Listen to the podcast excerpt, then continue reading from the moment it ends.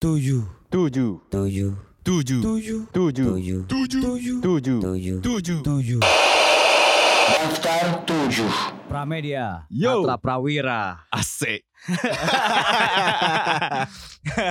Daftar tujuh balik lagi akhirnya ya Langsung bertemu nih Pram ya yes Terakhir kan lo takut-takut covid tuh Pram lu soalnya positif yo Iya emang positif covid rekening gua Di karantina atau gak lo Iya bisa nih. diambil. Jadi eh, gue Pram dan eh, Rio dari Agori Club dan M-Wave akhirnya kembali merilis daftar 7 Ya. Eh, kali ini kita akan membahas single Indonesia terbaik paruh pertama 2020 nih. Banyak Pram ya. Ada berapa banyak? 120 sampai 200 gak sih? Sampai 200 gak sih single kita nih? Seharusnya nyampe sih kali ya. Nah. cuman dari radar yang kita dapat kan kita ya nggak mungkin juga semua dapat ya. Cuman Iya. dari radar yang kita punya sih 120-an tuh kita udah udah udah save lah di Hmm. eh, laman Spotify Agor di Club gitu. Jadi eh, ternyata di era pandemi seperti seperti ini tidak eh, Gak ini- bikin kendor ya iya malah, Malah makin kenceng Justru gitu. kalau ya. menurut gue karena gak ada kerjaan di rumah gitu kan mungkin Daripada eh, liatin berita mulu ya bikin lagu lah gitu kan Inspirasi keluar gitu kan Siap. Terilhami keren. Ya kan Dengan nuansa eh, depresi Asik. Ekonomi Asik. Ya kan keluar-keluar disangka covid Nanti kan Nanti udah Iya. cancel culture loh Wah, siap. Hati-hati lo, bro. lu, lu Lu- paling cancel. berpotensi di cancel lo. Pram gue cancel Ya jadi dari single eh, pilihan kami termasuk narasumber yang nanti kita akan jelaskan siapa saja. Mungkin kita jelasin dulu kali yuk. Sebenarnya takutnya ada eh, mispersepsi dari para pendengar ya. Single seperti apa sih yang kita maksud dari daftar ini? Ya Apa sih sebenarnya si single ini? Menurut gue sih single tuh eh, lagu eceran ya lagu satu lagu yang dirilis resmi nah ini kata resmi ini penting nih Pram Hmm. jadi eh, bagaimana sebuah band merilis lag- lagu biasanya untuk eh, memberi petunjuk seperti apa sih eh, warna mereka kali ini Hmm. ya kan Bisa dibilang Nah. mewakili albumnya juga ya kali atau ada juga band yang iseng-iseng misalnya merilis cover version gitu ya Hmm, lalu dirilis eh, resmi gitu kan Hmm. atau eh, mereka bikin ada kolaborasi gitu kan ya. hmm, hmm. Nah gue itu itu jenis-jenis single eh, yang bisa jenis lagu yang bisa dianggap single gitu ya. Hmm, Oke oke. Yang penting sih resmi sih gitu. Hmm. Terus mungkin single tuh ada pertama, ada kedua gitu kan. Biasanya kan gitu kan ya. Hmm. Bahkan kalau sekarang tuh mungkin tiga single dulu baru satu album Betul. terakhirnya atau mungkin yang lebih ekstrim lagi nggak ada album Iya, biasanya single, single, single, single, semua single gitu. lagi. gitu. Jadi keuntungan merilis single di mungkin sekitar lima tahun terakhir kali ya Pram ya atau Hmm. tiga tahun ya itu gua rasa eh eh, berisiko rendah. Maksudnya apa tuh beresiko rendah? Ya lo bisa mengecer lagu lo misalnya lagu eh, single pertama lo nggak disukain gitu kan ya. Hmm. Berarti lo masih punya waktu sebulan atau dua bulan untuk bisa Memperbaiki. Memperbaiki gitu. Iya, iya, ya kan atau berbiaya rendah pula Hmm. Iya kan ya daripada lu bikin album gitu kan. Terus cover lah, eh, packaging lah segala macam. dan keuntungan lainnya juga mungkin kalau menurut gue sekarang yang namanya industri itu yang penting konten sih Pram. siap industri. Iya gak sih? Yang penting tuh perbanyak konten. ya betul nggak? betul. Konten terus satu satu single itu bisa ada videonya, so bisa ada Video lirik eh, ya. li- video lirik atau mungkin video klip atau misalnya ada apa apa misalnya barcode eh, download Iya, sendiri campaign-campaign gitu, gitu ya ya. atau ya kampanyenya bisa sebuah lagu bisa berdiri sendiri lah sekarang Hmm. dan lebih adil juga Hmm. menurut gua. Dan kayaknya sih memang ini meme- promo. memenuhi behavior pendengar sekarang ya. Ya, Karena eh, tingkat mobilitas pendengar sekarang semakin tinggi Ya. karena teknologi gitu ya.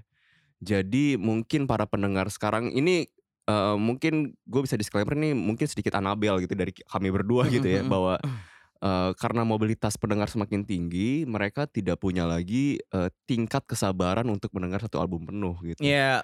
Jadi biasanya eh, kalau misalkan album penuh tiba-tiba Rio gitu menjadi musisi solo ngerilis album penuh. Iya dong, folk. Gue pasti Folk, nyanyi ya. folk gua. Lagu pertama udah gak suka, Bicara tentang gunung gua gunung.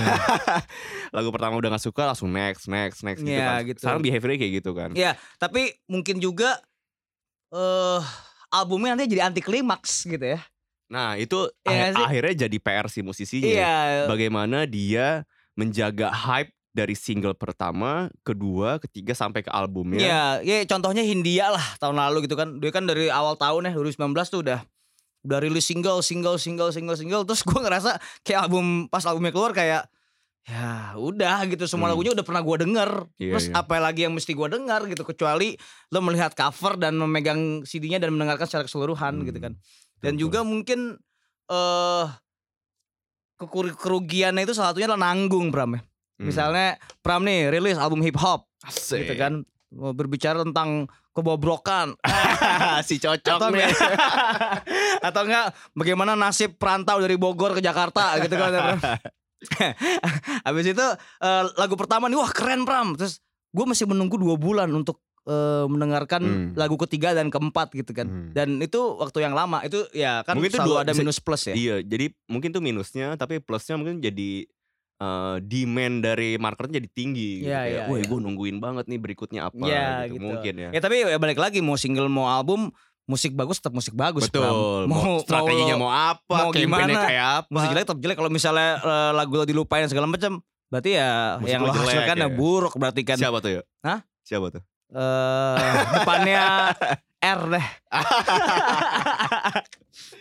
Eh, sama ini Pram, kalau sama ini sih behavior mendengarkan streaming. Jadi kalau misalnya lo membombardir dengan single, Hmm. secara algoritma nama lo keluar terus gak sih?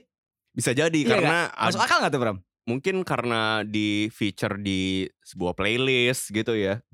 Karena sorry, karena Banyak Eh, minum bir lo Pram. Astagfirullah. Karena kayak misalkan contohnya kayak Dipa deh. Dipa kan sekarang menjadi mungkin sa- salah satu musisi yang eh, di spotlight gitu ya strategi dia merilis Ya, single. iya, Dia dari karir dia sebagai DJ sampai hari ini belum pernah merilis album sekalipun gitu. Ya. Tapi setiap singlenya di play atau didengarkan sampai jutaan orang gitu. Iya dan nggak ada juga orang yang lupa sama Dipa juga gitu. Betul, betul, betul. Nggak ada tuh teori bahwa merilis eh, single akan membuat lo gampang dilupakan tuh. Betul. Tergantung karya lo Iya. lagi gitu kan. Kayak misalkan si Idols juga tuh. Ya, kalau kalau di luar ya Kalau di luar idols kayak ya. Idols tuh dia juga eh, tahun ini ya khususnya ya dia Hmm. merilis single Ed Sheeran. Tapi dari hari pertama dia merilis single itu udah dijadwalin dan udah diumumin. Misalkan hari ini single pertama nih ada posternya tuh tanggal segini single pertama, tanggal segini single kedua, nanti ada live streaming bla bla bla, tanggal terakhir albumnya rilis gitu. Iya. Jadi itu menurut gua lumayan menarik juga tuh strategi Iya, strategi baru lah itu sih. Maksud gua masalah perilisan. eh scene kan atau industri Cia, itu kan dinamis ya. Jadi Iya. dengan behavior dan selalu pasti kita mengikuti eh behavior dari pendengar. Hanya musisi-musisi yang spesial aja yang Hmm. bisa memaksakan un, apa pendengar mengikuti kita gitu ya. Hmm, Ya. Eh by the way kita ini di daftar 7 yang kali ini eh mungkin kita jelaskan dulu kali ya. Hmm. Singlenya yang kita pilih itu kategorinya seperti apa sih? Apakah lagu semua kita pilih bisa atau gimana? tidak maksud gua eh kemarin sih gua udah udah sepakat ya Pram ya bahwa eh, lagu yang dipilih itu adalah yang ya tadi itu seperti gua bi- eh, bicarakan di awal resmi dikeluarkan eh, eceran satu Hmm, gitu kan dan hmm. tidak bisa eh, kayak misalnya ini satu yang gue ditolak sama Pram nih individual distortion Hmm. gitu kan itu kan album bagus menurut gua Syncopatic terus gua memilih satu lagu dari dia yang tidak eh, dijadikan single tuh nggak Hmm, bisa Nggak bisa. Contoh besar lagi adalah Hong. Itu Hmm. itu band keren tuh ya. Bagus banget. Tapi dia hanya rilis album tanpa single. Iya. Ya mau nggak mau Iya. anak-anak Tangsel itu nggak bisa kita pilih ya. Iya. Jadi eh, kategori di daftar 7 kali ini eh either adalah single Ed Sheeran, satu single gitu, satu lagu atau Hmm. eh, satu lag karya yang ditunjuk sebagai single dari sebuah album ya gitu Iya, ya, bisa iya. dibilang ya. Dan narsumnya siapa aja nih, Yo? Yang pertama Ini tuh kelas atas semua nih, ya, kelas gila. berat semua nih. ini ada Mas Woto Wibowo. Eh, dari yang paling tua dulu ya. Astaga, Wok- Mas Wok nih, sorry nih. Sorry nih, nih. cancel aja nih, cancel nih. Cancel aja Pram nih. Ya ini Walk the Rock ya, dia jagoan net label nih ya. Dia Betul. dia itu ya lo kalau lo tahu Yes No Wave eh, itu arahnya eh, musik-musik yang memberi pilihan yang berbeda ya. Hmm. Dulu tuh di- tapi dia ini juga eh, beberapa kali punya label lah. Pertama tuh ada Realino Records Hmm. ya kan. Terus kedua itu ya No Wave. Sekarang dia bikin Duke Trax Records. Hmm. Ya kan? Oke. Jadi eh, dan dia anak punk lah. tracks apa duk tracks? Duk Trax, Duk Trax, Duk Trax, Duk Emang Trax, gitu? Duk Trax, Duk Trax. Gue sih kayak gitu ya mikirnya ya. Mungkin jadi, bisa Iya, jadi duk trak duk trak, tapi gue anak pang cuy. Dak trak dak trak dak trak enak. ya kan? Iya. Ya, terus eh, dia juga punk rock dan glam rock entusias ya. Hmm. Dan ini nih yang paling gue suka nih. Ini eh, saran-saran dari dia nih ya. Itu eh, bukan saran sih, yang dia yang dia submit ke kita gitu ya. Hmm. Eh, Out of league kita out banget ya. of league ya. Itu disco-disco kontemporer lah yang aneh-aneh Iya. itu. Ntar lo dengerin deh. Iya. Terus ada siapa lagi Pram? Ada Fahri Zakaria, ini jurnalis ya. Ya, penulis muda dari pop hari ini ya. Dia kontributor dari Pop hari ini. Terus ada juga Sindu Alpito dari jurnalis Medcom yang kita kenal dari program Sindu, Sindu Scoop. Scoop. Bagaimana lo keselebor Sindu? Yoi, kemarin baru wawancara Los Labor Sindu. Ya.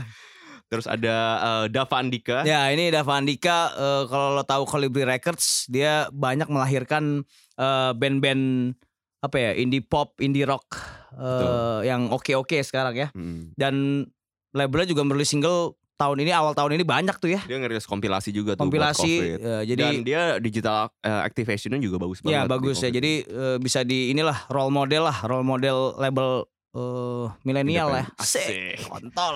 Oke, Terus eh, ada terakhir Muhammad Hilmi ya. Ya ini dari Whiteboard Journal. Dari Nah gue suka nih Journal. sama dia nih. Dia tuh eh, kritikus antagonis salah satu eh, yang kita Hmm. punya atau enggak lo? Hmm. Tapi akhir-akhir ini udah jarang nih Mi eh, bikin bikin tulisan di Pretentious Reports. Gue merindukan loh itu kalimatnya tuh kayak ini tau gak lo?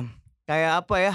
Kayak nyabut gigi tau gak Kalau kalau kalau misalnya lo punya band di review sama Hilmi, Hilmi tuh perawakannya orang-orang baik-baik gitu ya Hmm. eh eh, maksudnya damai gitu tenang gitu ya tapi kalau lo baca tulisannya kayak dicabut gigi lo tau gak lo aduh ngentot juga Nggak- nih orang disuntik dulu lagi. Nggak disuntik ya itu langsung dicabut gitu anjing ya itulah ya itulah lima eh, narsum kita ya Ya jadi ada Wok, ada Zaki, ada Sindu, ada Dava dan ada Hilmi akan Oke. membicarakan tentang single Indonesia terbaik eh, paruh pertama 2020. oke Singkatnya yo ya. ya lo single apa double sekarang nih Pram eh, ada deh. Oke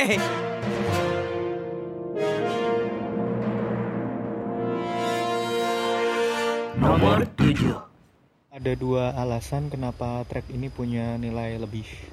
Eh, pertama tentu faktor sentimental nostalgia sebagai fans Pure Saturday ya. Ya walau hanya dihadirkan lewat sosok suar mantan vokalisnya. Istilahnya itu sudah lebih dari cukup lah kalau melihat belum ada tanda-tanda bakal keluar rilisan baru dari mereka. Eh, faktor kedua, track ini bisa tetap relevan dengan sound hari ini tanpa harus kehilangan eh, karakter musik yang em, membesarkan namanya. Atau jika misalnya dibalik perumpamaannya, eh, track ini tetap bisa disegani penikmat musik hari ini tanpa harus jumawa dengan nama besar di masa lalu. Oke, tadi adalah eh, komentar dari Fahri Mas Zakaria ya? ya, Mas Jaki panggilannya. kalau mau penasaran sama Instagramnya ya at Mas Jaki At Mas Jaki. Dia dulu sempat contribute di ini bukunya eh, Lokananta. oh Jadi mungkin teman-teman sempat membaca juga bukunya. jadi Jadi kalau itu ya pop hari ini juga lah, lo Iya, baca aja tuh itu adalah komentar Mas Jaki ya Hmm. tentang lagu Suar. maka terjadilah Asik. Judulnya terjadilah. Ini ke mana aja nih Bro Suar nih? Iya, bro? terakhir gue denger suar ya pasti eh, di album Utopia ya. PS ya. Ya PS ya, itu kalau nggak salah ya.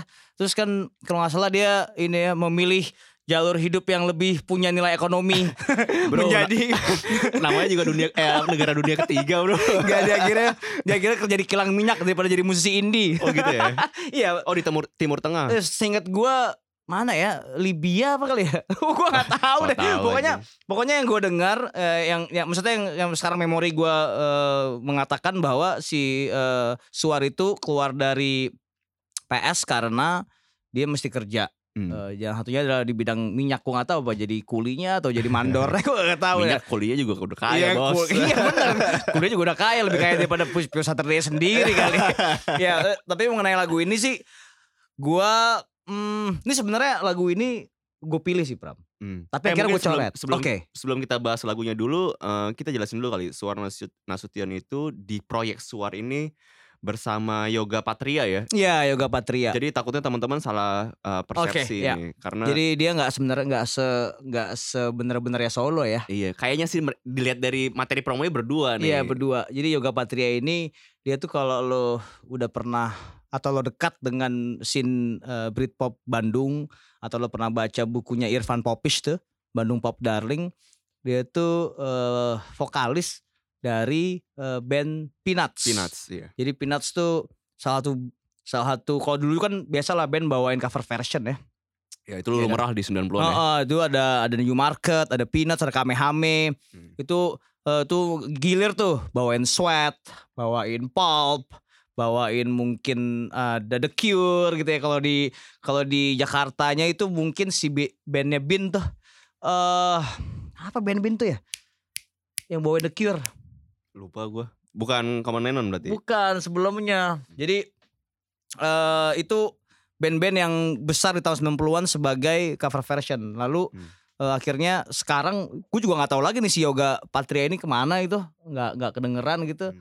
Akhirnya dia bikin eh, duet sama Suar Hmm. gitu. Dan balik lagi ke lagunya ya tipe ya tipe Ya, tipe tadi yang mereka gitu yang indie pop Cure gitu. Ya, lo gitu The- ya tadi, tadi nama band yang tadi gue sebutin itu Hmm. Ya mereka gitu. Mungkin juga ada sentuhan Sarah Records-nya juga. Nah itu Ya itu jadi menurut gue yang menarik itu dari eh, dari tembang ini ya bahwa lo bisa melihat bagaimana pengaruh Pure Saturday eh sorry pengaruh suar di Pure Saturday itu ternyata begitu besar. Nah ini maksud gue lumayan jadi anomali sih yo. Ah. Kayak eh, kita menganggap suar itu sangat PS gitu.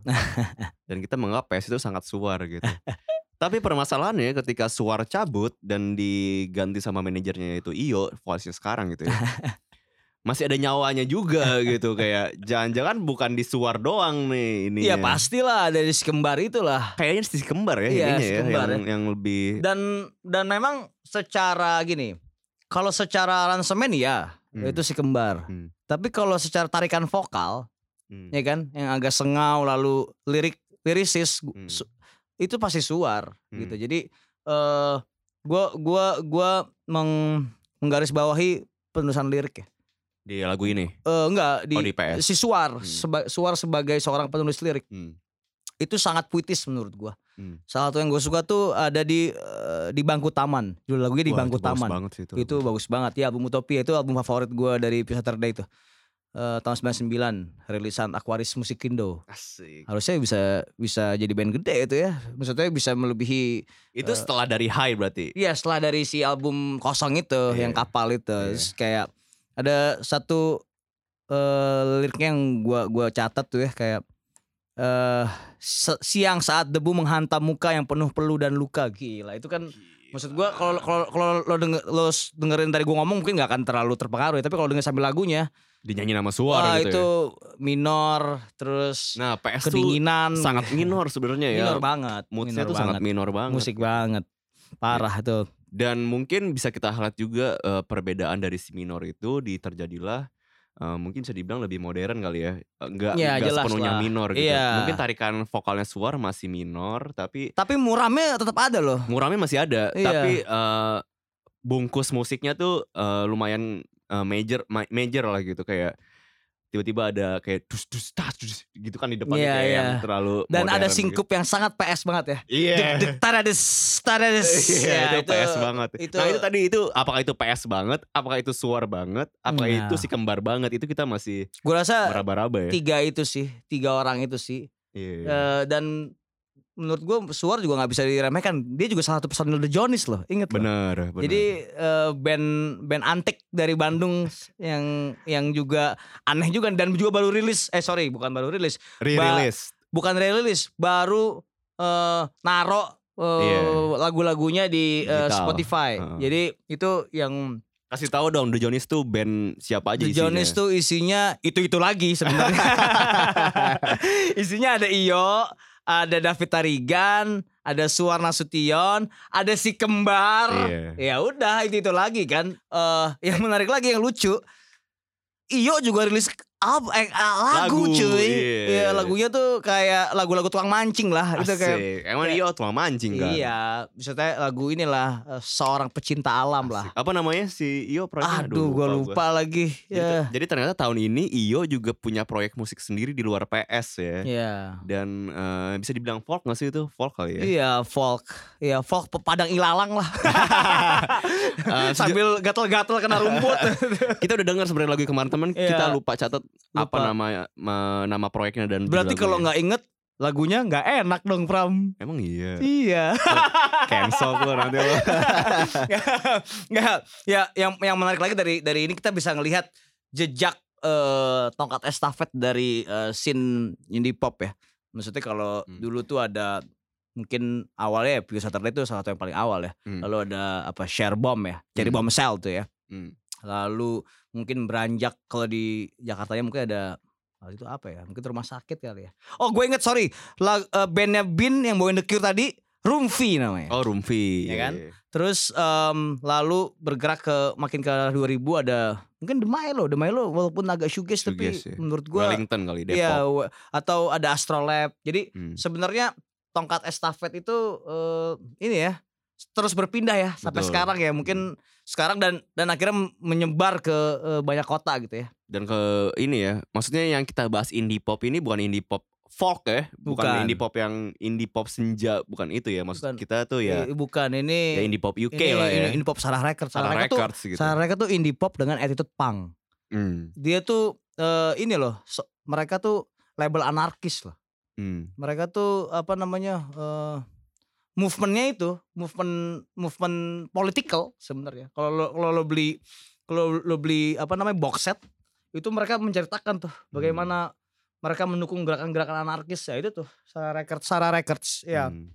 Ya By the way itulah. di proyek Suar ini juga kayaknya ya yang yang memanage proyek ini eh orang lama juga nih. oh ya. iya Eh, benar Marin Ini- ya Marin nih dari eh, itu Fast tangan Forward ya. tangannya tuh inilah apa namanya udah udah bisa dibuktikan bertuah lah ya kan dengan fast forward ya kan Iya, bisa bisa di, fast forward kan fast forward. Fast Bisa forward. dibilang ya Marin, Healthy dengan fast forwardnya eh, mengubah eh, ekosistem atau scene sampai hari ini sih gitu. Iya. Ketika dia merilis Moka gitu ya. Iya, album oh itu. iya, awalnya Moka bener Itu, itu. itu mengubah scene sampai hari ini gitu iya, kayak The Sigit juga ya The kan, Sigit. fast forward ya. Yes, yang baru-barunya Hills, Hills. ada apa Lizzy ya? Lizzy sempat. Jadi eh, ini kita nggak tahu sih ini pastinya apa enggak. Cum- Cuman dilihat dari eh, sosial medianya Marin, Marin kayaknya sih yang yang eh, mengurus dari proyek ini gitu. Katanya sih rencananya bakal rilis album kira-kira akhir 2020 atau awal 2021 nih sih. Iya, bentar lagi lah ya ya kan. aja ya. Tapi pertanyaan gua, akankah Pew Saturday makin redup? Nah, Maka terjadilah. Nomor 6 menurut gue ya di lagu ini Fazi Ai berhasil eh, bikin satu pencapaian artistik yang menurut gue remarkable gitu. Remarkable kenapa? Karena dimulai dengan eh, pola atau pattern dan ketukannya juga yang agak sebenarnya agak agak janggal gitu. Yang sebenarnya nggak terlalu bikin nyaman gitu didengar.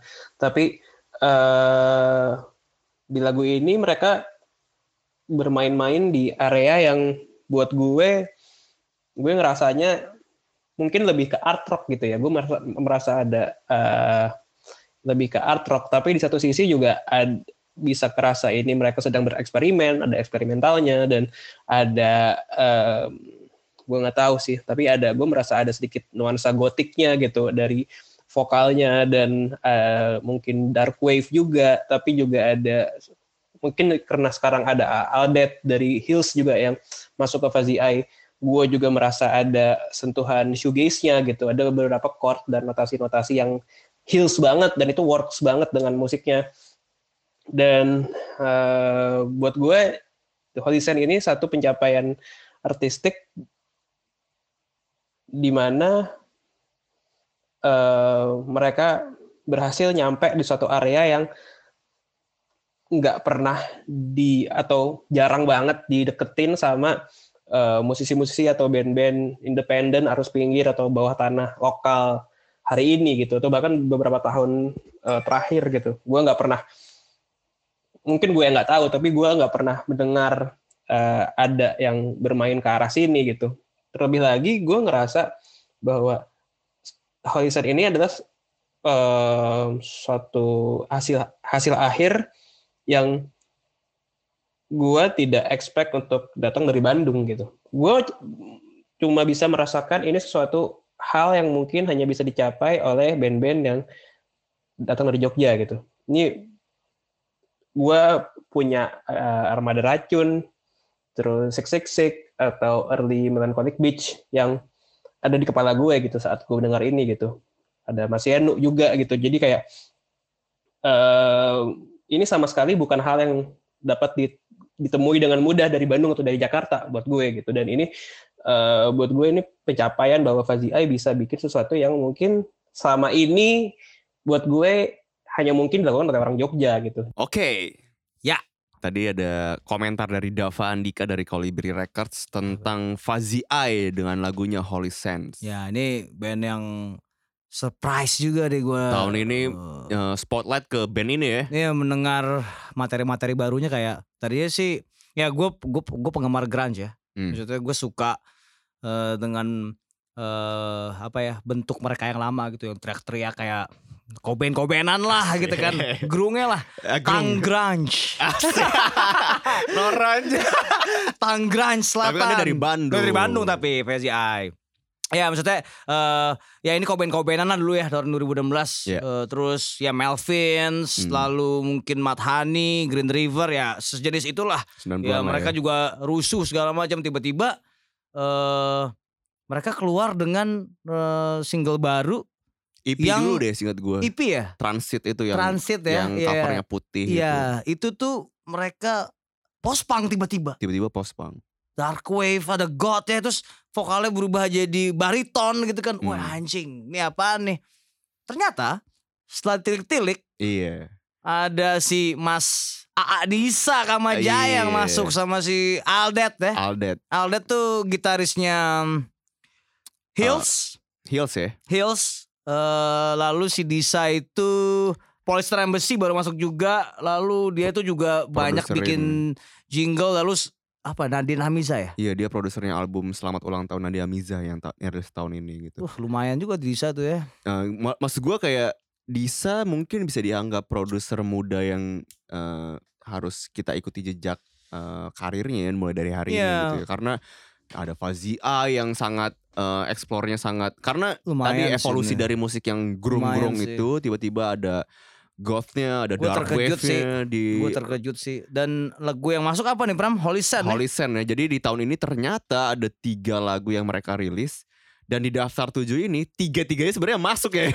Masuk Salah satunya eh, Tapi yang gue gue milih Tapi gue gak milih si eh, Holy Sand Gue milih Ambiguity, Ambiguity. Karena itu lebih eh, nyebrang lah gitu Iya. Tatut tatut tatut tareng Tatut tatut Iya. tareng Kalau ini kan Menurut gue Masih eh, Sangat post-punk lah ya Iya. Masih- Artpang, Artpang masuk gak ya? Hah? Jadi Artpang gitu nggak ya? Bisa lah masih, Maksudnya Karena art punk menurut gue Banyak elemen yang dimasukin Hmm. ya kan dan ada sedikit eh unsur techno kali ya gue nggak tahu dari mana tapi berasa aja gitu Iya. kayak kayak kayak dark gitu ya Iya. terus ini Berlin banget lah as Iya, asik. iya mak- maksud gue Seni banget bos. Iya biasa lah ya kan pengen ke Berlin ya ya maksudnya itu yang itu yang yang langsung merasuki eh, telinga gua langsung Hmm. kerasa di badan gua kayak anjing ini eh oke ada Peter Murphy ya eh, Hmm. Bauhaus ada Hmm. terus lalu ada kalau yang baru-baru tuh ada apa ya kayak Soft Moon kali ya Hmm. Soft Moon ada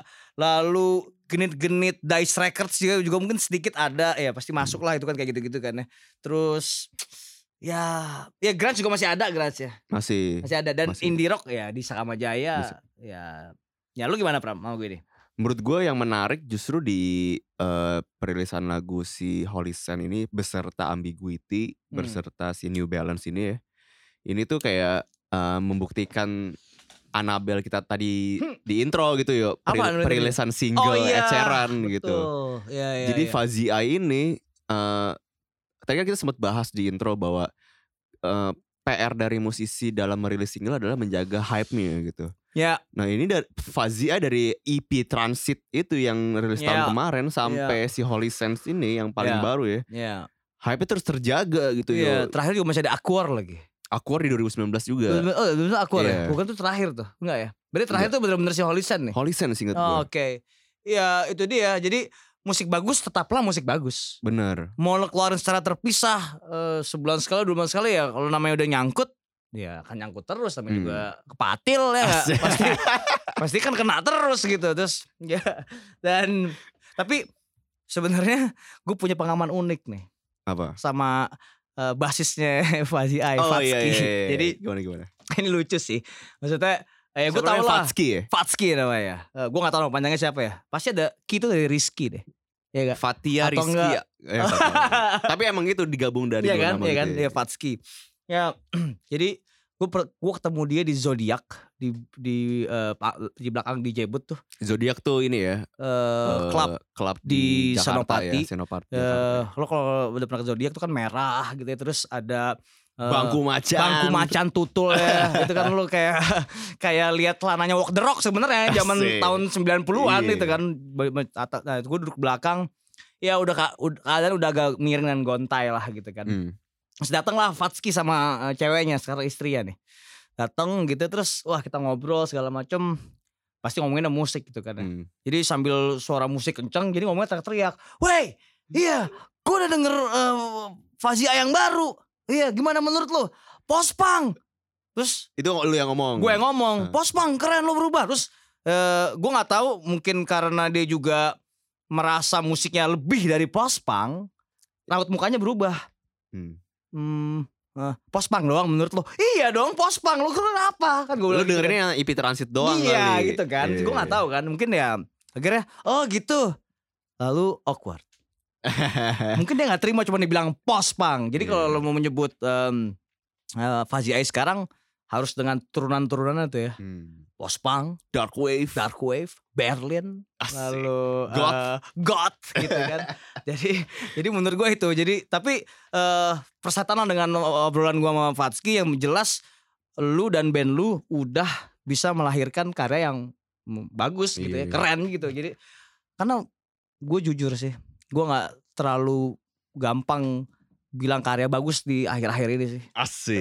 iya. Selera lu udah jelek kali. Ya makanya kan susah bilang musik bagus buat gue. Jadi ketika gue bilang gue mengaku itu musik bagus, berarti lo benar-benar telah eh, mengambil eh, hati gue. Ya apa? Lam, Menurut lo gimana? Musik bagus ya. Aduh, gue susah Gimana sih. musik bagus? Eh, musik bagus juga sebenarnya gue pikirin belakangan ini sih beberapa minggu lalu. Kayak terakhir kan gue sempet live streaming sama eh, seorang Nadia Miza dan Stella Gerth dari Scholar ya. Ya. Dan setelah gue ngobrol di acara live streaming itu, gue mendapatkan insight-insight dari kepala mereka berdua lah gitu. Ternyata ini eh, opposite banget ya. Nadine itu eh, secara musikal dia itu tidak suka lagu yang banyak busana aransemennya. Hmm. Dia lebih suka yang polos, Hmm. dalam tanda kutip telanjang gitu ya. Yang di mana dia bisa bercerita tentang liriknya gitu. Ya. Sedangkan kalau Scholar kan kita tahu betapa mewahnya gitu ya. Oh, Ya si apa scholar. Iya, Matt Iya. Eh, Gitu. dengan Padahal suaranya mirip Alanis Morissette. Alanis padahal sih, Morissette. padahal coret sorry. Suaranya mirip Alanis Morissette. Benar. Padahal kayaknya ini banget ya, eh, konotatif banget ya. ya jadi eh, ini dua dua opposite musik yang sangat berbeda dengan eh, sudut pandang mereka berdua terhadap, terhadap masing-masing karyanya gitu ya. Tapi eh, sama-sama diterima oleh publik yang jumlahnya banyak gitu. Iya, iya, iya, iya. Dan Hamizah iya sih. Iya kan, kita harus akui bahwa mungkin Nadia Miza ada yang nggak masuk karyanya di kita. Begitu juga dengan Scholar, mungkin ada beberapa lagu yang menurut kita nggak masuk. Tapi kan banyak orang yang Iya. menggemari mereka Iya, gitu. iya. Jadi gue sempat mikir waktu itu kayak emang dengan dua perbedaan yang sangat jelas ini sebenarnya ada nggak sih formula di dalam musik itu yang sebenarnya mau di yang kosong, mau yang aransemennya banyak, formula ini akan berhasil membuat band lu berhasil gitu. Ya, Mungkin si Fazia ini kayak gitu gitu. Iya. Ada ada formula yang di dalamnya mungkin kita nggak tahu secara awam gitu ya. iya. Tuh, karena gue berbicara dengan Nadine yang seperti itu, kategorinya Stella yang sangat opposite, tapi keduanya eh, diterima lah gitu. Ada nggak menurut lo? Gue masih belum menemukan jawabannya Coba. sih. Kita hening tiga detik kita pikirkan, abis itu sebut ya. Enggak, coba dulu. Siapa tahu aja ketemu. Siapa tahu siapa tahu ketemu ya formula supaya band eh, mempunyai lagu yang eh, menanjak. Hening. Oke, Apa, apa ya? Pram? Nggak tahu. Aku kontil. Percuma dong, enggak enggak. Nggak mungkin. mikir juga Nggak, gua gua, kayak suka nih, gua nggak suka jawab- jawaban ambiguity gini. Asik. Enggak, mungkin kita eh, ini juga ajak ajak pendengar eh, Iya. mungkin ada jawabannya Iya, gitu iya, yang dari iya, pendengar iya, yang iya. kasih tahu ya ke kita. Mungkin itu jadi diskusi yang menarik juga. Iya sekarang gini, lu mau bikin album konsep gitu misalnya yang berat, Polka Wars gitu ya, Hmm. misalnya gitu ya, eh eh, musik popnya berat dan segala macam. Eh mau dibilang menarik juga enggak sebenarnya dia masih masih dalam taraf eh eh, tidak tidak bisa besar gitu ya. Beda sama misalnya sore dulu bisa gitu. Kan aneh, Pram. Jangan-jangan behavior pendengar ya, Pram. Enggak, kalau masalah kuantitas pendengar ya, kuantitas penonton itu emang udah jauh berbeda sekarang ya setahu gue. 200 ribu orang 10 tahun lalu dengan 200 ribu orang sekarang tuh udah beda banget Nah, gitu. iya iya Itu iya benar benar benar. Udah gak bisa dibandingin itu sejujurnya. Ya, jadi, oh, formulanya adalah udahlah bikin musik sesuka hati lo aja Mungkin gitu itu kan. ya, Atau mungkin itu. gini formulanya persetan lah dengan pendengar. Ya udah gue bikin musik kayak gini kalau lo nggak denger musik gue berarti lo nggak nyampe. Iya. Iya mungkin, mungkin, Bisa mungkin. aja kan. Soalnya kalau kita mikirin juga harus bikin yang gimana-gimana jadi nggak seru juga. Iya, iya, gak pretensius ya. Iya nggak? Alami aja dari Iya nggak? dari dalam aja udah keluarin deh. Iya, Asik. Mungkin ya. Asik. Ya, nah, eh, by the way si Fazia ini si setelah dia eh, berubah konsep ya musiknya, dia dinaungi oleh Iya. ini nih label dari Jakarta ya. 630 Records ya. Sister Gue langsung D ketukeran Recordings. 360 ya. Cuma eh, trick skate ya. 630 Records. Sister D Records. ya. Recording. Recording, sorry. 630 recording. Recordings. Ya. Dan kayaknya sih Itu bakal jadi si album Eki ya. ya. Ek- Ekrik dari Afat ya. Lalu Indra. Indra Purba Indra Batak. dari Afat pula. Hmm. Batak Power. Ya ya maksud gua masa depan Bandung nih kan Hmm. banyak yang bilang nih sinis sinis sinis sinisme sinisme terhadap band-band Bandung setelah ada Sigit Hmm. kan menurun tuh katanya orang-orang ya enggak Hmm. ya gue mengakui juga tapi sejak mulai keluarnya apa ya Panturas kali ya Iya. Nangor Lalu- ya. ya terus ada mungkin Hills ya mungkin Faja ini bisa Iya. mengubah eh mengubah apa namanya eh arah permainan ya Iya. sambil menunggu Sigmund kembali Iya. Iya nih setelah Sigmund gitu doang ya lah. Yalah. Bagus-bagus albumnya Eh, gitu. bikin album azan aja lah Kajem sama komunal Iya kan maksudnya Tapi kan komunal gak pure dari Bandung bisa dibilang. Oke tapi mereka eh, inilah tinggal di Bandung Tinggal di Bandung. Ya maksudnya bikin musiknya pakai udara Bandung gitu Asik, sejuk-sejuk ya. Iya, iya. Sejuk-sejuk indie pop ya. Iya. Anjing. Nomor 5 ini eh, seorang produser elektronik dari Wamena, Papua. Namanya Asep Nayak. Nah, Dia tinggal di Wamena, sebuah kota kecil. Dia bikin musik elektronik menggunakan Fruity Loops. eh, yang nada-nadanya dia ambil atau dia adopsi dari nada-nada eh, gitar alat musik tradisional dari Wamena itu WCC itu.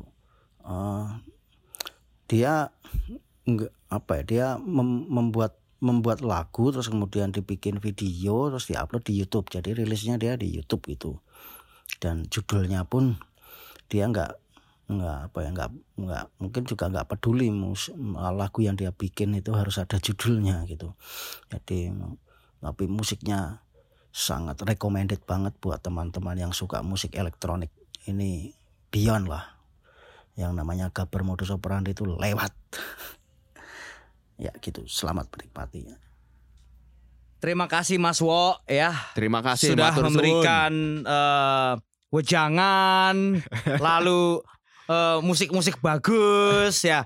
Maksudnya eh, tadi itu suara eh, Walk the Rock.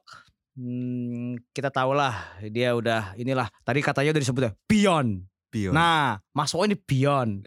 Jadi gua gua gua gua kemarin pas dia ngasih em, tujuh daftarnya itu Hmm. yang gua tahu cuma sedikit. Iya. ya kan salah satu yang gua nggak tahu eh, itu adalah Asep Nayak. ini ya. Iya kan. Terus eh, sebenarnya Mas ngomong gini pas sebelum ini. Eh gue eh, aku boleh ngasih lagu apa aja nih gitu. Terus eh, boleh bebas. Bener nih apa aja. Nah, apa ditekanin dua kali gue bilang. Iya. Ya udah bebas apa aja. Dikeluarin lah Asep Nayak. By the way ini mungkin uh, gua dan Rio disclaimer dulu kali ya. Ini bener-bener musik yang daftar yang Walk kirimin itu bener-bener tadi seperti yang Rio bilang ya. Iya. Out of league kita banget ya. Kayak jadi kayak uh, kita sih sangat ini banget ya terbuka akhirnya lewat pilihan-pilihan dari Mas Wo nih. Iya Kayak- ya. Soalnya Jadi- eh, si Asep Nayak ini juga eh, bahkan dia nggak rilis di Spotify gitu gitu kan Iya. tadi Mas Wok bilang di YouTube aja.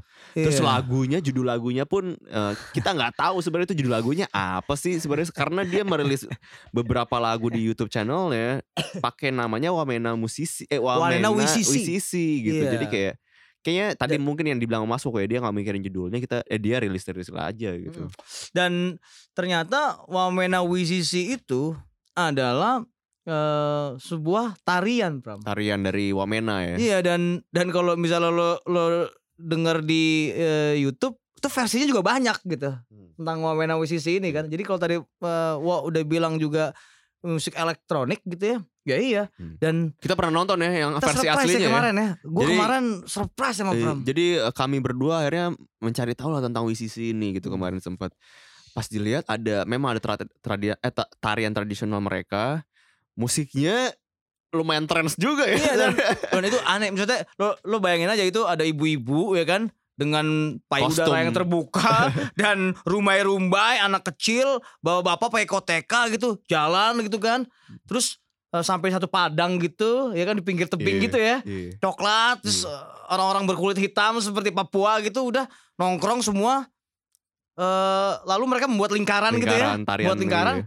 lalu di, de- entah dari mana itu terdengar suara musik ya. Iya, itu iya, jadi kayak yang Wah gila gue bilang. jadi sebenarnya kita berdu- kami berdua nggak tahu sih itu apakah eh, lagu tempelan Iya, atau ja- memang dari sananya Apa gitu mereka ya. bikin pakai alat-alat tifa Iya, gitu atau kita nggak tahu kita kan? itu masih nggak tahu sih cuman memang Mungkin pakai kaset kali pernah. atau MP3 kayak atau kayak MP3. ibu SKJ aja. Iya, tapi yang jelas beatnya memang eh, Nah iya. beda sama si Aset Naik ini. Jadi sama sama Aset Naik di di Iya, jadi- dicepetin lagi. Jadi secara alami memang sudah sudah kenceng sudah gitu trends kan, gitu udah ya. trends. Sudah festif gitu. Sama Asep Nayak nih produser dari Wamena ini sama dia diputer lagi, di remix lagi sama dia kayak wah keren banget Iya, memang sih. Yang menarik, ya kan kemarin akhirnya eh, ini ya eh, mengulik lebih dalam gitu. Hmm. Lalu kita mencari lah nih si siapa sih Wisisi Wamena Betul. ini kan, Wamena Asep Wisisi Nayak. ini Asep Nayak ini kan. Lalu kita sampai di artikel Crack Magazine ya. Iya. Itu tuh jadi Crack Magazine merilis eh, mixtape dari Gaber Modus Operandi Playlist yang nggak ada ya. apa-apanya. Kalau kata Walk the Rock tadi ya dibanding Tadi dibanding Wok, Wok udah menutup itu ya. Terus habis itu eh, salah satu eh, kalimat yang gue suka adalah eh, dari eh, Crack Magazine dia menyimpulkan eh gue pakai bahasa Inggris aja ya. Lo pada buka aja Google Translate. Siap, Bang. Eh, it's frantic, rough, and with their DIY context plain to hear the tracks up whipped by a breakneck speed. Berarti eh Ngangguk headbang, aja, ya, headbang aja bisa kalah loh pakai Iya, ini iya, bisa iya. patah gitu. Habis itu sounding as Kasiman suggested like a mixture of early Shagaan and Balani. Nah, Get to know. Tuh, ada itu dari suruh. Iya, teman-teman Syagaan dan Belani itu eh, elektronik Afrikan ya. Ya African. Jadi mungkin emang ada kedekatan secara ini ya, secara Cultural. rasa, Eh, secara tarian, Hmm. ya kan, secara perasaan Iya. di dihimpit terus. Sense of artnya mungkin sama Iya, kali ya. tribal lah kalau Iya, maksud gua. iya, Jadi ya dan akhirnya kita sampailah ke Asep Nayak nih ya. Iya. Siapakah? Who the fuck Eh is by the way tadi playlist yang Gay Bro Modus Operandi itu di Crack Magazine masih bisa didengar ya sampai Oh masih bisa didengar. Silakan ya, lo cari coba aja. Ada Asep Eh, Nayak, ada beberapa nama-nama yang juga Ya. kita Ya. kita nggak tahu sih sebenarnya di ya itu, playlist itu menarik sih menurut Iya, gua itu menarik, banget. Ya, itu dia. Akhirnya sampailah kita di Iya. pertanyaan siapa sih Asep Siapa Nayak? Ini kayak orang Sunda campuran orang Papua, iya kan? Asep. Mungkin nggak nama lo Robertinus Dayat atau misalnya eh nama lo misalnya siapa gitu em, Marianus eh Syarifuddin. Nggak tahu. Atau ya Jadi gitu kan. eh, menurut Rio konteksnya Asep itu terlalu Jawa Barat ya gitu eh, ya? iya gak? Bener gak? Ya mungkin ya gue gak tahu nggak? Ada si Asep Stone, tau gak Asep Stone? Tahu, tahu. Iya kan? Itu juga musisi Sunda yang gede di Belan- Belanda kan, Iya, makanya iya. namanya Asep Stone. Jangan-jangan Asep Nayak ini ya itu kan. Kita gak tahu sih. Kita nggak tahu mungkin dia Kemarin kita sempat cari ya kan sampai ke ibunya seorang Sunda mungkin dari Cia- Ciamis. kita sempat cari di sosmednya dia, dia lumayan ini kayaknya sangat eh, penggemar sepak bola sih ya kita Iya, dapat ya. Iya, dia pelatih, pemain, Kalau nggak salah pelatih ya kemarin. pemain ya? juga. Pemain juga ya. Heeh, mungkin ya pelatih kan pasti bekas pemain ya. Iya, mungkin mungkin. Mungkin. Terus dia klubnya Papua United, man. Namanya Papua United itu ya. divisi berapa? Divisi gua nggak tahu tuh, gua Nggak pernah sih. ada Papua. Setahu gue ya Persiwa gitu kan ya. Persi Persipura gitu. Persipura. Ya kan? Ya itu agak lumayan Ya kita sampai sampai sa- sampai hari ini eh belum bisa dibilang mencari tahu lebih banyak sih. Mungkin bisa sebenarnya kita bisa telepon secara langsung. Cuman kemarin setelah kita riset sedikit aja eh ini musik dari si Asep Nayak ini lumayan menarik gitu ya yang Ya kalau kalau gue sa- satu lagi satu hal lagi yang eh, apa ya langsung kena di kepala gue adalah gue rasa ya eh, sekarang tuh lu ga, tadi gue gampang bosan dengan musik ya dan penggalian ke musik-musik kontemporer atau musik-musik daerah gitu. Hmm, lalu di hybrid lagi menjadi sesuatu yang le- lebih modern jadi gitu ya. karun juga itu ya. sebenarnya bisa mengobati kebosanan lo di musik sih. Bener bener. gue udah bener. capek dengerin musik rock atau heavy metal atau apa pun kecuali komunal ya. Anjing gue worship komunal mulu tadi ya. Tapi emang keren lah udah. Terus habis itu gue bosan aja gitu. Gue rilisan baru gitu kayak aduh rilisan baru pasti kayak gitu deh. Pasti kayak gini deh nah mungkin Ah, asumsi lu aja itu kali. ya mungkin ya mungkin karena umur juga kali ya 45 tahun gue hidup gitu Ya jadi menurut gua menarik sih tadi yang dibilang Rio bagaimana selama ini menurut kita radar musik Indonesia Mm-mm. yang kita anggap eh, sudah seluas itu ya udah Iya. selebar itu ternyata eh, dari teman-temannya Snow Wave dari Walk menggali dia menggali lebih dalam lagi gitu. Ini alternatifnya alternatif nih. Dan ingat ya Bram, kita menemukan bahwa Asep Nayak ternyata kuliah di Universitas Emputan Tular.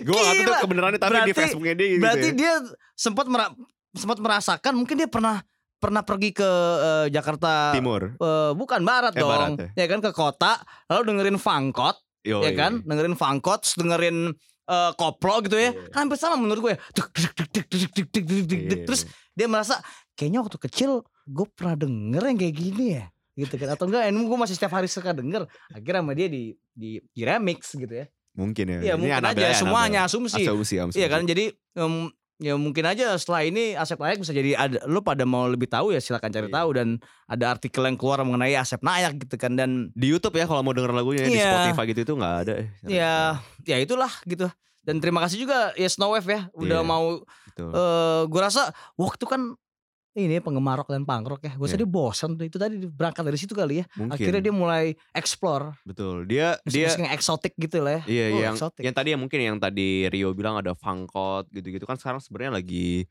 naik-naik juga ya. Iya. Ada, ya ada ya mungkin siapa Ada ya. Protaksan Eh, gitu ya. ada, apa eh, AK eh ND, NDX AK Iya. Iya kan, Atau yang atau mungkin yang ada- lebih ya, ada satu tuh yang pernah menghancurkan trip gua di Soundrenalin habis nonton Primal Scream. gue tahu tapi gak usah disebut ya. Eh, Gak usah gak usah gak usah. enggak enggak apa namanya Pram? Cepet. Gue tahu gue tahu. Si itulah. Jadi lagi itu tiba ngentot deh. Habis Primal Scream dikasih beginian kontol. ya kayak kan band, ya mungkin yang lebih ke eksperimental ada Wal Masa juga. ya itu eh, ya akhirnya eh, musik hybrid ya. Kalau misalnya dulu Hari Rusli sama Guru Gipsy Bener. mungkin udah melakukan itu. Hmm. Sekarang disco kontemporer nih Iya, yang keluar gitu kan ya. Iya, Ya ada ya Gaber lah yang paling. Gaber ya, yang Dan orang Eropa itu suka. mungkin karena eksotis. Mungkin dari berangkat dari bosan itu juga kali. Iya. Selama ini Eropa dikasihnya ya mungkin ya ya heavy metal. Iya, atau rock, bahkan musik elektroniknya pun eh ya teknologi, teknologi iya, gitu kan. Prancis atau Jerman udah mulai bosan Ya mereka gitu. nyari akhirnya mungkin sama kayak si Kasimin dari Gaber, Iya, eh dari GMO, eh Syagaan dan Balani itu. Iya, iya. dan sama. ya mungkin tadi kita udah kasih tau belum sih kalau misalnya musisi ini dari Sukulani. Sukulani ya namanya. Iya, Sukulani itu di daerah Wamena ya. Iya. Sukulani itu ya lo, lo cek aja deh. Iya. Itu ya suka nggak suka itu kebelakangan lah tapi surprise lah lo Iya. dengan sebuah apa ya eh, bunyian baru Ini ini menjadi ini juga ya kayak pertanda betapa eh, Papua itu sangat eh, bagus sekali musiknya gitu ya. Iya. Belakangan ini kita Kalau- mendapat rilisan-rilisan yang sangat bagus Iya, dari Papua. maksudnya jangan anggap sesuatu yang eh, ada tradisional terbelakang lo anggap gitu gitu. kampungan gitu ya. Iya kampungan atau misalnya wah ini masih pakai koteka ah itu tetanya masih ke mana-mana bukan berarti mereka nggak bisa menghasilkan sesuatu yang menarik Betul betul. ya ya itu ya budaya mix kan Iya. akhirnya di mix dengan budaya kota Iya. jadilah gitu kan Mungkin yang bisa kita mention dikit ada dari Papua tuh ada Joe Million ya.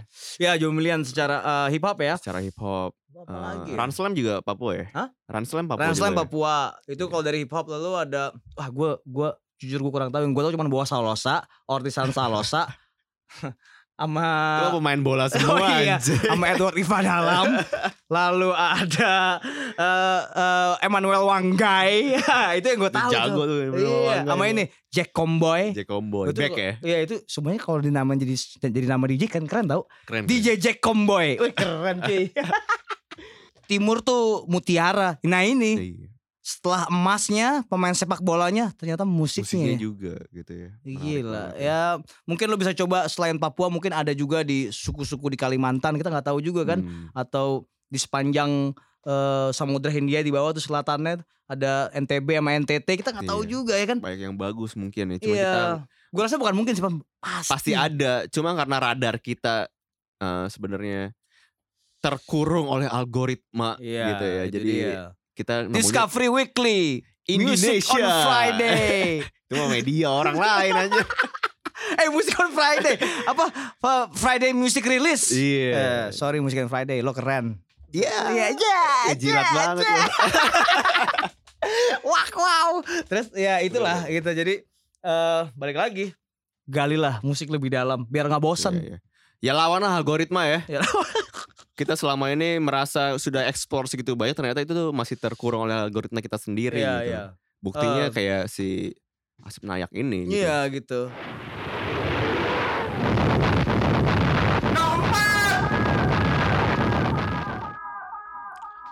Rollfast Oke. Grand Theft Atma Grand Theft Atma. Atma bukan auto ya itu jadi eh eh, pencurian jiwa-jiwa tuh ya yes. Jadi Jadi- di nomor 4 ini ada eh, band eh, rock dari Rock. Bali namanya psychedelic rock mereka Psychedelic. Rock sekarang ya namanya Roll Fast dengan judul Roll Fast. lagunya Grand Theft Atma. Heeh, ini Ini eh, Ini mungkin mirip sama Fazi Ai juga nih yo. iya Tahun ini dan nyambung sih sebenarnya Fazi Ai lalu Asep Nayak lalu Rolfes tuh ada benang merahnya iya sama Ya, itu. ya. kalau dari Fazi Ai adalah Yang evolusi musiknya dari yang karya sebelumnya yang heavy rock gitu ya. Tiba-tiba sekarang dengan durasi yang sampai 9 menit Ya, gitu ya. itu Dia tren sendiri gitu Tren sendiri dia masukin uh, unsur tradisional juga gitu. Dan uh, progresif juga gitu. Jadi Iya, m- menariknya kalau tadi lu bilang tradisional ini diembat semua nih unsur namanya unsur tradisional Iya. ya itu mereka kayak eh, ngeblender kayak Hmm. blenderan gitu Hmm. terus masukin semua semua itu kayak mereka yang pertama eh, mereka memasukkan unsur pelok gitu ya kalau di apa tuh pelok? pelok tuh kalau eh, ada dua jenis eh, nada pelok dan slendro Ah. kalau pelok itu biasanya ada di eh, mana musik-musik tradisional Oke. jadi eh, mereka gitarnya gitar pelok gitu Ah. gue sebenarnya kurang mengerti gitu tapi eh gue mencari di mana gitar peloknya gitu ya nggak ada gitu yang ada gue denger suara eh gamelan Gamelan di Nah. menit keberapa tuh ya yang tiba-tiba Ya, berubah beberapa. banget tuh. Nanti ya ada gamelannya gitu terus eh gue sempet ngobrol nih sama anak mereka sama mereka nih pas Hmm. mereka datang gue sempet wawancara mereka juga kemarin lalu eh gue tanya itu gamelan lo mainin siapa yang mainin tuh gitu kan eh ternyata eh mereka memainkan dengan Ableton tapi bukan eh barang palsu gitu suaranya Hmm. jadi ada orang satu tetua musik di Bali yang merekam semua eh, koleksi eh, alat tradisional ya. Oh. Semua dari penting. Jadi preset audio gitu. Iya, dari Oh. penting terus gamelan deh. Semua akhirnya si eh Rolfes datang ke dia dan meminta gitu. Oh, oke. Jadi akhirnya bisa dibilang orisinal gak sih suaranya kalau kayak gitu? Ya ada sentuhan gambarnya juga sih Iya, gitu sebenarnya. ya, Cuman tapi- karena eh, proses dalam merekamnya itu Heeh. lumayan panjang mungkin jadi lebih alami. dan- Iya, terus eh, ada juga eh nada-nadanya diambil dari katanya sih sebuah tarian. Lagi-lagi tarian nih ya. Hmm, Kayaknya menarik ya tarian ini kalau dijadikan musik ya. Namanya Rejang Renteng. jangan renteng ya. Ya, itu eh, sebuah tarian ya gue juga ya gue nggak terlalu ini banget lah ya tahu dengan kayak gitu-gitu ya. Hmm. Tapi yang menarik buat gue justru temanya. Itulah leak. Iya. Jadi leak. bagaimana eh leak ini suka mencuri bayi-bayi Oh. dari rumah ke rumah dan itu sebuah eh, budaya budaya mistik yang kita semua tahu ya. Hmm. Kayak muka lo kayak leak dah. misalnya misalnya kayak gitu kan. ngatain gue. Enggak, gue mau dapet ke mic, dia nggak ngomong ke lo. Kok lo merasa sih? ya, dan dan juga seperti halnya orang-orang dari Bali ya, eh, yang membuat musik ada unsur apa ya? Namaste-nya kali ya. Hmm, Ya, Spiritual ya. Spiritualnya gitu. Cuma Dan- katanya kan eh, musik tradisional Bali itu eh, lumayan sakral gitu ya. Hmm. Jadi eh, tidak bisa digabungkan dengan unsur modern gitu. Sedangkan roll fest ini ya, nggak tahu ya mungkin menurut menurut kami berdua yang tidak tidak segitu culture-nya sama budaya Bali gitu ya. Mungkin menurut kita aman-aman aja ya. Maksud gue malah cancel, berhasil. di cancel gak nih kalau culture kayak gini nih? cancel gak nih kalau dia main musik ngelawan-ngelawan norma-norma gini nih? Iya, jadi eh, ternyata ini menjadi sebuah perlawanan tadi Iya, gitu. dan gue ada cerita tentang tentang itu. Oh, Lanjutin dulu, Pom. Yang mana? Lo nggak mau lanjutin lagi apa omongan lo? Apa apa coba? Ya, eh gue ada, ada cerita menarik bahwa si ternyata eh a- ada satu eh, doktrin atau misalnya eh, ajaran atau norma di Bali yang bilang lo kalau misalnya nggak mainin musik se- tradisional nggak nggak usah lah ngomong-ngomongin musik tradisional gitu Hmm. atau lo kalau lagi nggak dalam keadaan suci nggak usah ngomong-ngomongin Tuhan lah gitu jadi Hmm. ada banyak batasan-batasan itu Hmm. dan dan Roll Fest ya darahnya darah Bali dong Hmm. gitu kan Terus kenapa gue nggak boleh mainin musik tradisional kalau gue mainin, mainin rock, rock, gitu. kan gitu Iya. akhirnya sama dia dihajar eh, dihajar sama kayak balik lagi dua bapak dari konstruksi musik Guru Gipsi dan Hari, Hari Rusli, Rusli, ya ya. itu kan mereka main hajar aja banyak Hmm. juga yang menganggap wah ini menyalahi aturan dan segala Iya. macam tapi lu nggak maju-maju dong kalau Iya. kayak gitu Buktinya Hari Rusli sekarang malah makin dikenal namanya ya iya gitu dari karya-karya yang dianggap aneh di era iya itu. dan gitu. ada pantun juga apa tuh? eh, pantun di lagu ini di GTA Oh, pantun di dalam. iya jadi pantun anak-anak itu dan kalau pakai Google Translate ya? Eh, Ya, pakai Google Voice. itu sorry. ada juga jadi ada Oh, dua beda. Oh, ada jadi dua. ya, pertama tuh ada suara eh, Google Google Maps ya Google Maps ya. ya yang suara perempuan tuh Iya. yang mengarahkan jalan nah Iya. terus eh, lalu ada juga suara pantun dan lo nggak akan ngeh kalau ini pantun karena digulirkan suaranya oleh suara-suara leak-leak kecil gitu Hmm. Hmm. wah gila itu em, mungkin kalau albumnya udah rilis lu bisa lihat arti pantunnya kali ya tapi gue juga gak ngerti apa arti Hmm. pantunnya lalu tau nggak dari mana asal Google Maps itu ceritanya Gimana? jadi mereka baru pulang manggung ada satu kejadian nih mereka baru pulang manggung Di mana? Di Bali. di Bali gitu ya di Bali baru pulang manggung ya dalam keadaan capek mabuk dan segala macem naik motor ini si Aga sama si Aan itu vokalis dan eh, basis tiba-tiba mereka naik motor pulang di, di sepanjang jalan eh, gelap itu menuju rumahnya di Denpasar Hmm. ada mobil tanpa awak Serius lu? makanya ada lirik kendaraan tanpa awak oh gitu. Eh, eh, jadi mereka eh, melihat itu kok anjing eh di sebelah mereka ada eh, mobil tanpa awak sedang berjalan dan itu Gue kan kok kenapa ngebayanginnya mobilnya Avanza ya? itu lagi tidur kan itu sopirnya tuh. Dari dari Jakarta ke Bali tuh ininya jalannya. Sopir sopir grab Mas terima pesanan. Jakarta Bali berapa Mas? Terus terus gimana? ya itu. Jadi akhirnya mereka pulang. Lalu mereka anjing itu siapa yang nyetir ya? Hmm. jangan-jangan mereka pakai suara Google Map. Nah dari situ Oh, Jadi bagaimana bagaimana itu tadi crossover lagi. Bagaimana teknologi digabungkan dengan eh, mistik yaitu Klinik budaya ya? mereka. Iya, jadi kayak gitu akhirnya ya ini zaman crossover lah. Siap. gitu Ya kan? DRI, Suicidal. ya kan, suicidal. eh, AMKA ya Asik. gitu lah, ya kan? Ah, ini Ya. menarik juga sih kalau misalkan ngebahas eh, evolusi Rollfest dari musik Ya. sebelumnya sampai yang sekarang karena Hmm. ini menurut gua memengaruhi juga sama eh, regenerasi musik Bali kali ya bisa Iya. dibilang. Karena kita tahu mungkin kalau Bandung itu sangat anggapnya indie pop gitu Indie pop ya. dan hardcore lah ya. Indie pop dan hardcore gitu ya. Bali itu popang atau enggak rockabilly ya. Rockabilly. Pokoknya pemuda-pemuda bertato lah, Iya. full full full full tato gitu lah, sampai di leher-leher gitu lah. Iya. Itu ya kan biasa kayak gitu ya, Iya. mulai dari mulai dari SID, Suicidal Sinatra, lalu ada ada Hydran, lalu ada mungkin grunge juga ya. Eh, Beda lagi. Pokoknya yang dua hal yang paling itu kan ada ada si eh, Navikula, ya kan ada Gorgeous Smile gitu, ya. Iya. Jadi eh, menarik tiba-tiba eh, Rollfest dengan musik yang sangat berubah ini menurut gua karena kemunculannya ya gua nangkep itu bareng si Zat Kimia kan. Hmm. Dan menurut gue Zat Kimia juga itu eh, sebuah band refreshment dari Bali Iya. juga sih sebenarnya. Hmm. Dan Rollfest di era sebelum eh, lagu ini aja juga sebenarnya kan udah mulai dilirik gitu. Dan langkah dia untuk berubah sejauh ini apalagi juga eh, lagunya itu nggak cuman kita eh, alami secara audio ya, Hmm. tapi secara visual juga bagus banget kan di Iya. lagu-lagu Wah, kalau visual mereka itu eh, terpengaruh oleh satu eh, apa namanya? movement movement ya. eh namanya China Wave. Apa tuh China Wave?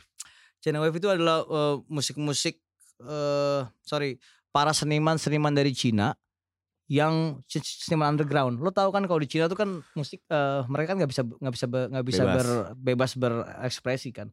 Enggak orang-orang itu tinggal di luar negeri. Lalu mereka mereka sadar bahwa mereka masih dari Cina. Akhirnya mereka itu itu ada sutradara, ada penari, ada aktor, ada eh, poet, ada musisi, ada DJ, ada produser. Mereka bikin satu eh apa ya gerakan China Wave tadi. Cirinya adalah orientalisme. Hmm. Jadi eh eh, naga, lalu ada banyak-banyak eh, warna-warna metalik. Hmm. Agak ngampung sih menurut gua. Cuman ya mau gimana itu mereka dan si Aga bilang sama gua bahwa tidak ada tanpa adanya Cina budaya Bali itu nggak akan bisa sebesar itu. Hmm. Jadi tanpa ada Cina pen- penting tuh nggak ada. Hmm. Jadi gamelan pun itu dia di di apa? Di inspirasi dulu gitu ya dari alat musik eh, Cina gitu. Oh. Jadi memang ada ininya Pram ya eh, jembatannya ya. ada benangnya ada ya. benangnya gitu ya. Benangnya kusut nggak tuh? Asik, khusus sih kalau kita lihat sekarang ya. ya jadi Dia 9 menit cuy. Wah, Durasinya gila. 9 dan menit. tapi gue sih sangat menyarankan kalian eh, ketimbang mendengarkan di audio platform gitu ya, mending nonton video klipnya deh kalau mau ya itu tadi. mengalami full experience dari Iya. lagu ini gitu ya. Ya 3D dan mungkin kita 3D lah. kita gambarin bisa 3D, 3D 4D ya kita kemarin bahas Kalau dia apa, 3D ya. Kalau kalau lihat di kredit titelnya sih 3D. sih. 3D ya. Jadi yang benar adalah 3D ya. 3D video gitu yang Jadi- sangat menarik, cukup eh, mencekam juga ya bisa dibilang ya. Dan eh, ya itu ada perubahan eh, pattern yang dari rock eh, psychedelic tiba-tiba ke Kontemporer. lah. kontemporer gitu. Gue sih nyebutnya layak psychedildo. Asik. Layak. ya jadi mungkin karena dengan durasi yang panjang juga, perubahan eh, time signature yang berubah juga, Perlawanan terhadap ketabuan Iya, itu penting. plus visualnya yang bagus itu. Sama satu lagi Pram, ini nggak bisa dilupa kita eh, bicarakan.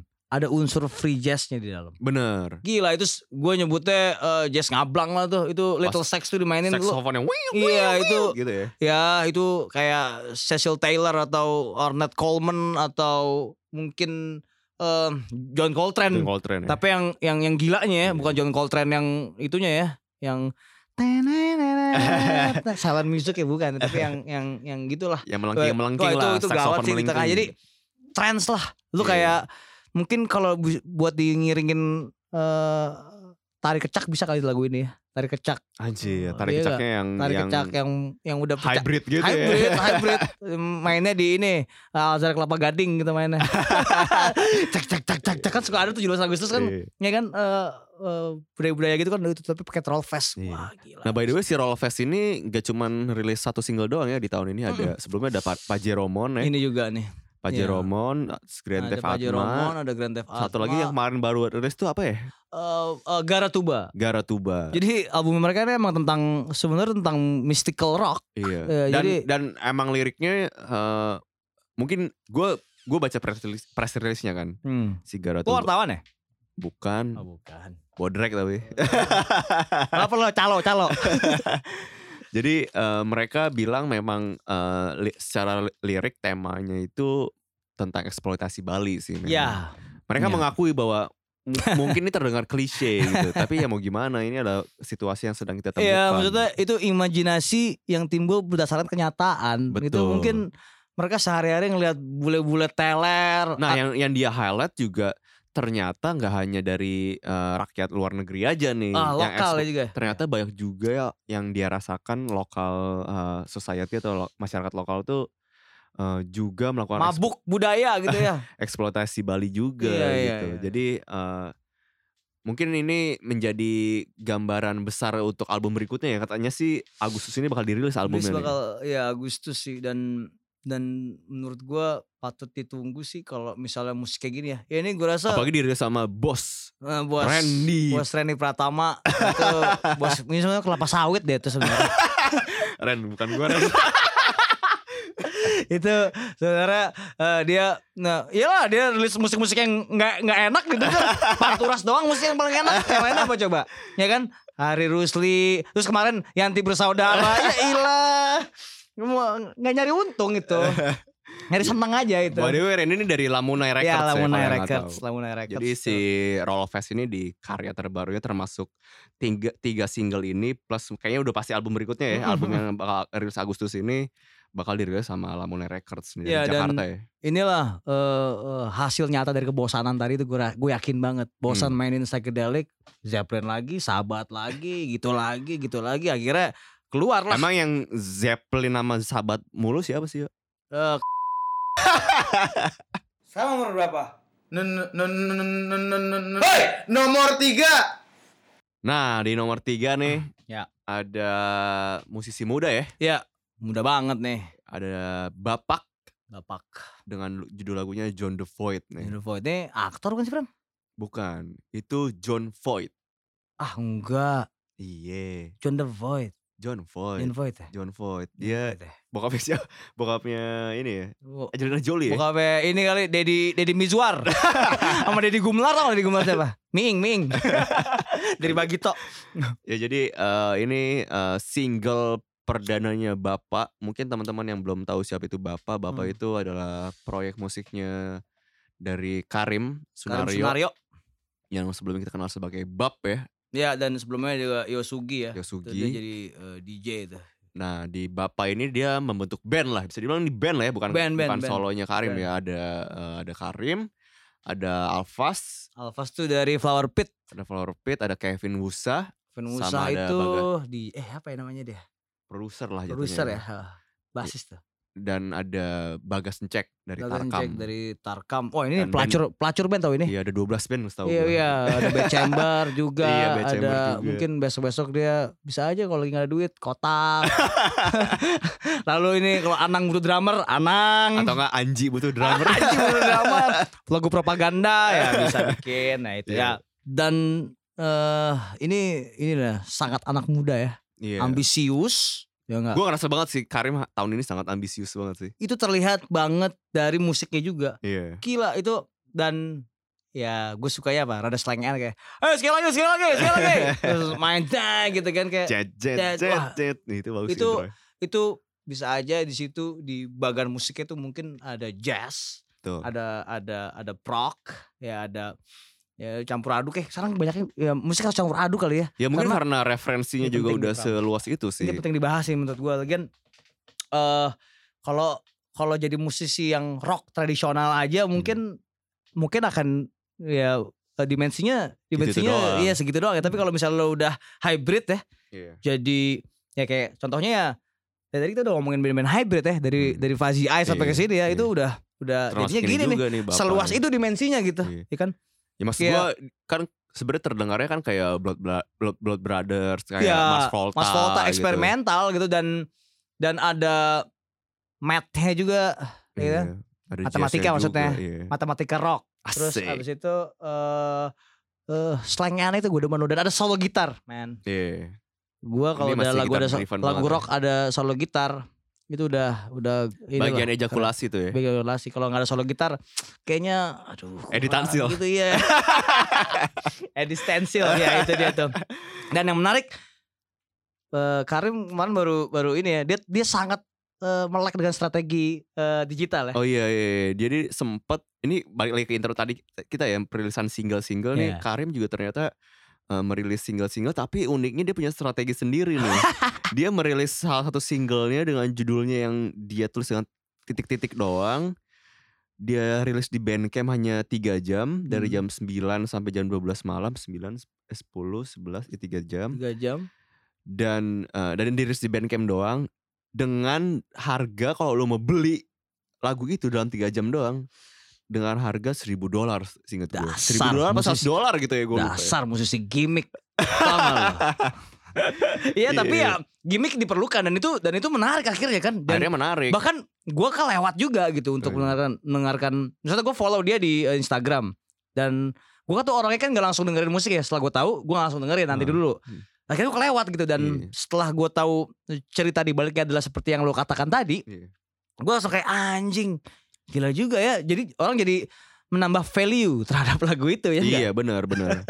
Dan itu menarik sih karena itu mungkin jadi salah satu strategi musisi di era keterbatasan kayak gini ya. Karena apalagi Karim ya. Karim tuh setahu gue dia eh, memberikan jasa membuat audio jingle, Ya. membuat eh, apa ya kayak sampling sampling yang dijual lagi sama dia. Ya, gitu. full time musician dan full time bike bikers lah.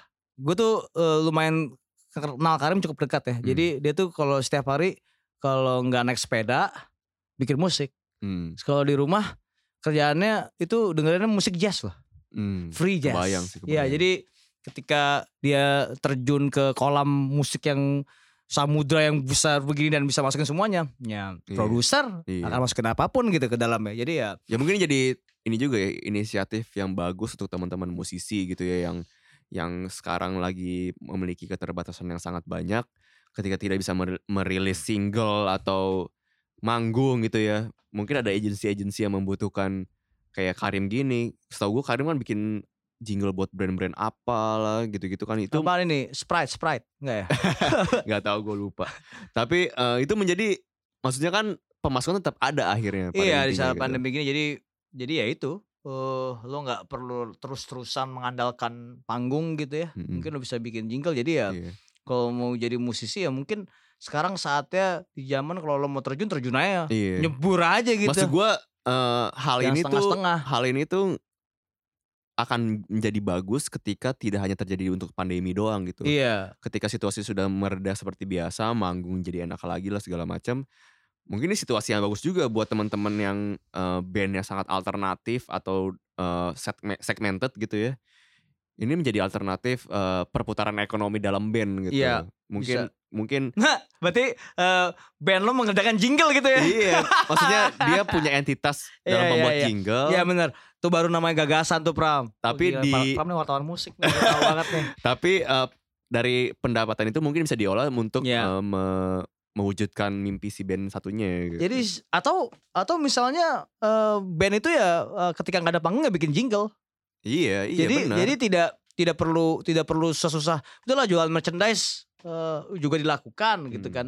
Lalu panggung nggak ada, tur nggak bisa, ya lo eh, bikin jingle. Jadi lo dapetnya dari klien yang duitnya juga sebenarnya banyak cuy. Misalnya Iya. lo bikin buat Sampurna gitu jingle, iya. tapi lo sell out. Nah lo kan kan entitasnya udah beda. Oh iya. Bukan atas nama bandnya gitu. Misalkan Oh. band gua aksi teror nih. Oh gila tuh band. Misalkan aksi teror nih. Main ya di eh, 365 gitu bla bla. Asik. Enggak lah, mainnya di ini lah. dong? Eh, Bulungan. bu- Monopoli lah, gila lah. Di atas tuh. Asik, The Moon. The Moon.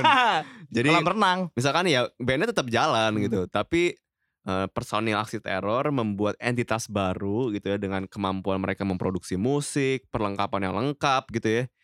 Mereka bisa menyediakan jasa untuk si brand-brand ini Iya, gitu. betul. Sebenarnya itu yang dilakukan Karim, itu Iya, dilakukan iya, iya. eh, siapa? Iga Mas Ardi Iya, juga bener. gitu. Kayak mereka nggak bisa kekurangan duit. Kayaknya nggak kekurangan duit deh. Kalau misalnya kayak Iga gitu deh. Kurang tapi cukup lah gitu. Menurut lo dia daftar kartu prakerja nggak?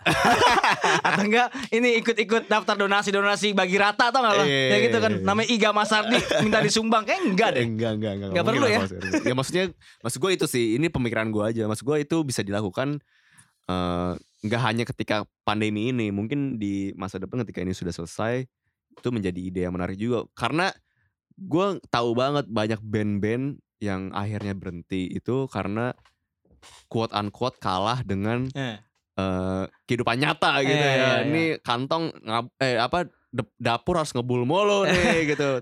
Tapi ya nonton teman-teman doang band gue Iya, gitu. Nah, gue jadi inget ngomong lo tadi kayak gitu, gue jadi inget eh, ada tulisan di album eh, kasetnya Bab ya, eh, judulnya Mongshoot. Hmm. Itu ada tulisan tentang aku Madesu, aku milenial, aku, aku atau aku milenial, aku Madesu ya. Jadi Hmm. sebenarnya Madesu itu pilihan sih, Hmm. bukan sebuah takdir bahwa lu gak punya masa depan gitu. Dan tapi Bram, lu mesti keluarin lu dong eh, analogi lo terhadap Karim yang kemarin gue ketawa-ketawa banget. Ayo Bram Iya jadi mengingat seperti tapi lo mesti jelasin dulu latar belakang Karim seperti apa orangnya. Iya.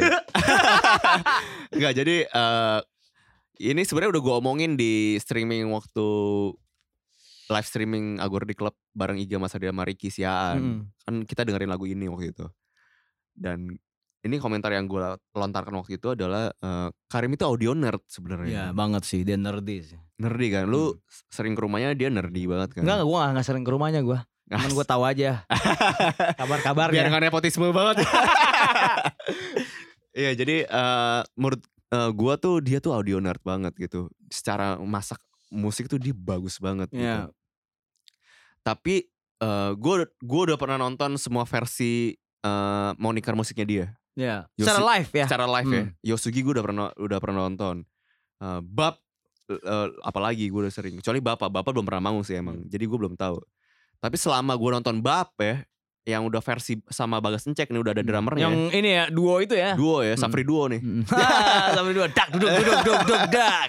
ya udah udah versi live band lah bisa dianggap lah itu ya ada eh, Karim mainin gitar eh, Bagas mainin drum gitu Ya. gue tidak pernah terkesima sekalipun Masa? selama nonton bab ya Hmm. Jadi, eh Anabel gue memang dia audio nerd aja gitu ini seakan-akan eh, memaksa seorang Rick Rubin untuk manggung Wah, gitu. itu itu kemarin ngakak banget sampai keselak gua anjing. Jadi lo bayangin aja Rick Rubin suruh manggung hancur sih. Pakai kayak, sendal, apa ya ya. gimana ya? Gak bisa kayaknya Rick Rubin. Maksudnya di lu beyond my imagination Iya, gitu iya, ya. iya. Wah anjing. Ini selama gue nonton Bab ya Itu selama Gue belum tahu kalau Bapak ya Karena Ricky juga bilang kayak Wah ini gue pengen nonton live-nya doang nih Akhirnya nih gitu Ah. Jadi selama nonton Bab itu Gue merasa bahwa eh, Live-nya dia eh, Gue gak kenal lah Mungkin karena dia sambil nge-rap Sambil main gitar gitu ya Iya iya iya. Dan sequencer juga gitu Ah, Jadi ah, ah. eh, Mungkin ada keterbatasan di situ gitu Tapi kan Anjing. se- sekarang udah berempat kan Berarti lagi-lagi ada benang merah nih Pram. Apa? Eh dari dari eh, kita nomor 6 tadi ya. Fazi Ai Iya Fazi Ai. Terus ke sini tuh ada benang merah eh, nyampur-nyampur ya sebenarnya. Iya, iya Dan benar. evolusi musik. Evolusi musik sih Iya kan? Dari dia seorang DJ lalu menjadi seorang eh, Rapper. eh, tukang rentet ya, hip hopper gitu. Blah, gitu lah. Swag swag so asik. Ya Cancelled Rio is cancelled Cancelled by hip hop culture. Ya, hip hop culture itu pemberontakan. Jadi kalau gue cancel, gue tuh melakukan pemberontakan hip hop sama Asik. aja, ya kan? Aduh. Terus abis itu sekarang bikin jadi band experimental rock. Jadi Hmm, sebuah evolusi dan anjing gue kira dia nggak bakal eh, merilis musik di luar hip hop ternyata Hmm. dia bisa gitu ya dan Walaupun wow. sebenarnya kita tahu banget ya secara referensi dia Karim tuh khususnya Karim ya. Gue yakin tiga yang lain juga punya referensi yang sangat bagus gitu. Tapi Iya. yang mau yang mau kami highlight itu kan Karimnya. ya. Karim tuh secara eksperimen bahkan kita tahu sebenarnya Mars Volta itu kan salah satu band favorit dia juga gitu. iya Mungkin ini sebenarnya the, the true identity of Karim juga. iya Mas dibilang Volta gitu. mungkin ya pusing gitu musik pusing tapi ya akhirnya bisa lo bisa lo apa namanya eh, keindahan dari kerumitan anjing Quote by Ryu. ya ya inilah namanya energi masa muda Iya betul. Jadi jangan tua-tua deh. Iya, menolak. Generasi menolak tua. Tonton DVD-nya ada seorang Rio Tantomo ngoceh.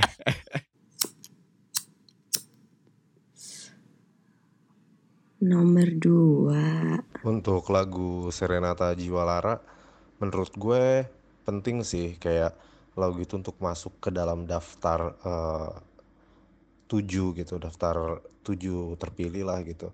Karena pertama dari so- dari sosok Dian Sastronya itu sendiri gitu yo. Jadi Dian Sastro itu pengetahuan gue cukup sulit diajakin nyanyi. Cuman yang di sini ini kayak jadi sebuah single yang menurut gue bakal ikonik juga ke depannya gitu. Selain ada isu campaign buat Irama Nusantara gitu ya. eh, Dian Sastro di sini berhasil membawakan lagu itu gitu dengan catchy tanpa kehilangan sosok dia gitu yang sebagai ya girl crush gitu. Terus kayak eh apa ya kayak padu banget gitu sama sama lagunya itu sendiri gitu.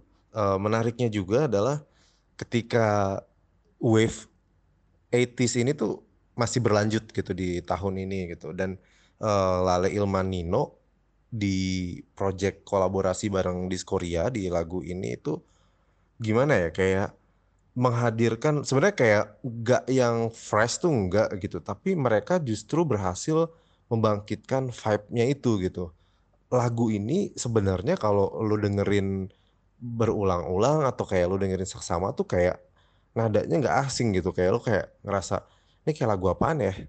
Eh, kayak gue pernah denger gitu.